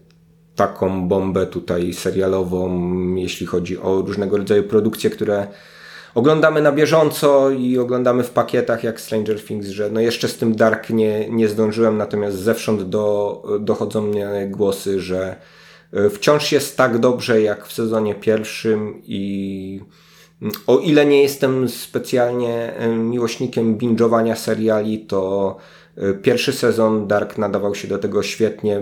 Fabuła jest e, absolutnie zamotana. Warto to uważnie śledzić i warto oglądać właśnie w takich pakietach, żeby e, jakby nie tracić, nie tracić kontaktu z, z tym serialem. No więc oszczę sobie zęby i paznokcie na ten drugi sezon. No właśnie ja z Dark mam ten problem, że dawno, dawno temu, kiedy pierwszy sezon miał premierę, to wymyśliliśmy z moim kolegą, że będzie, będzie to serial, który będziemy sobie oglądać razem w ramach towarzyskich spotkań, pogadanych i tak dalej. E, ale niestety mieliśmy na to bardzo mało okazji tak naprawdę. No i obejrzeliśmy jeden odcinek, minęły dwa tygodnie, zobaczyliśmy drugi, obejrzeliśmy trzeci odcinek, zobaczyliśmy trzeci no, powiedziałem teraz przed chwilą jakieś zupełnie bezsensowne zdanie, ale nieważne. Sprowadza się do, do tego, że wkrótce zorientowaliśmy się, że Dark wyjątkowo nie nadaje się do takiego oglądania, no więc ciągle jeszcze z pierwszym sezonem, z szacunku do tej naszej przyjaźni, może y, się nie zmierzyłem, ale, ale, ale zamierzam kiedyś. Jasne, no ja oglądałem z moją siostrą w cztery dni chyba to pochłonęliśmy. E, trzy albo cztery jakoś tak nam to to zajęło, więc jako, że wybieram się niedługo do domu rodzinnego, to liczę na to, A, że dobrze. siostra jeszcze nie obejrzała tego drugiego wybiera? sezonu, chociaż nie, nie, nie pytałem jej o to, więc może uda nam się wakacyjnie właśnie znowu zbingować. Ciekawe, twoja siostra drugi raz pojawia się w tym podcaście, kiedyś pojawiła się w kontekście Kacpra, tak mi się wydaje, ale już nie pamiętam dokładnie o co chodziło. Być może nasi słuchacze, zwłaszcza ci, Jak którzy... duch się pojawia. Tak, zwłaszcza ci, którzy e, zaczynają dopiero od naszych jakichś bardzo głębokich archiwów, powiedzą o co chodzi. Dobrze, to może zakończmy. O co, o co chodzi z moją siostrą? O co chodzi z moją siostrą. Pytanie do słuchaczy. Czemu, czemu, czemu siostra Michała, e, nasi drodzy słuchacze? Dlaczego ona? Pytania, pytania proszę zostawić w różnych komentarzach. E, no i oprócz komentarzy to chyba już czas e, zachęcać do tych e, klasycznych czynności, do których zachęcamy naszych widzów, czyli oczywiście do oglądania filmów i dzielenia się jedzeniem, bo już chyba... Nawadniania się. Nawadniania się i tak dalej. Smarowania kremem, bo dowolnym. Lato. Tak, tak, tak. Jakimś, jakimś kremem się posmarujcie. No bo nie ukrywajmy, już niczego mądrego o tym Stranger Things nie powiemy. Nie wiemy też, czy powiedzieliśmy. E, jeżeli chodzi o ostrą analizę, to e, o, może jeszcze raz warto przesłuchać początek tego podcastu o Midsommar. E, no i tyle. I mm, widzimy się na Nowych Horyzontach. Mamy szczerą nadzieję. Widzimy się może na Letniej Akademii Filmowej w Zwierzyńcu. E, a jeżeli chodzi o kolejny odcinek podcastu, to tak jak zapowiadaliśmy poprzednio, nie wiemy kiedy uda nam się nagrać. Raczej po tych dwóch wydarzeniach się słyszymy chyba. Tak, ale i tak jesteśmy już do przodu o jeden odcinek więcej niż w najbardziej apokaliptycznych e, przewidywaniach sobie wyobrażaliśmy. To co? Zapraszamy do podążania za nami na Spotify, do wystawiania recenzji na iTunes, do polubienia nas na Facebooku i przede wszystkim powiedzenia o tym podcaście jednej losowej osobie na ulicy. Na tym zależy nam najbardziej. Dziękujemy bardzo i do usłyszenia. Udanych wakacji filmowo-serialowo-festiwalowych. Sayonara, żółwie.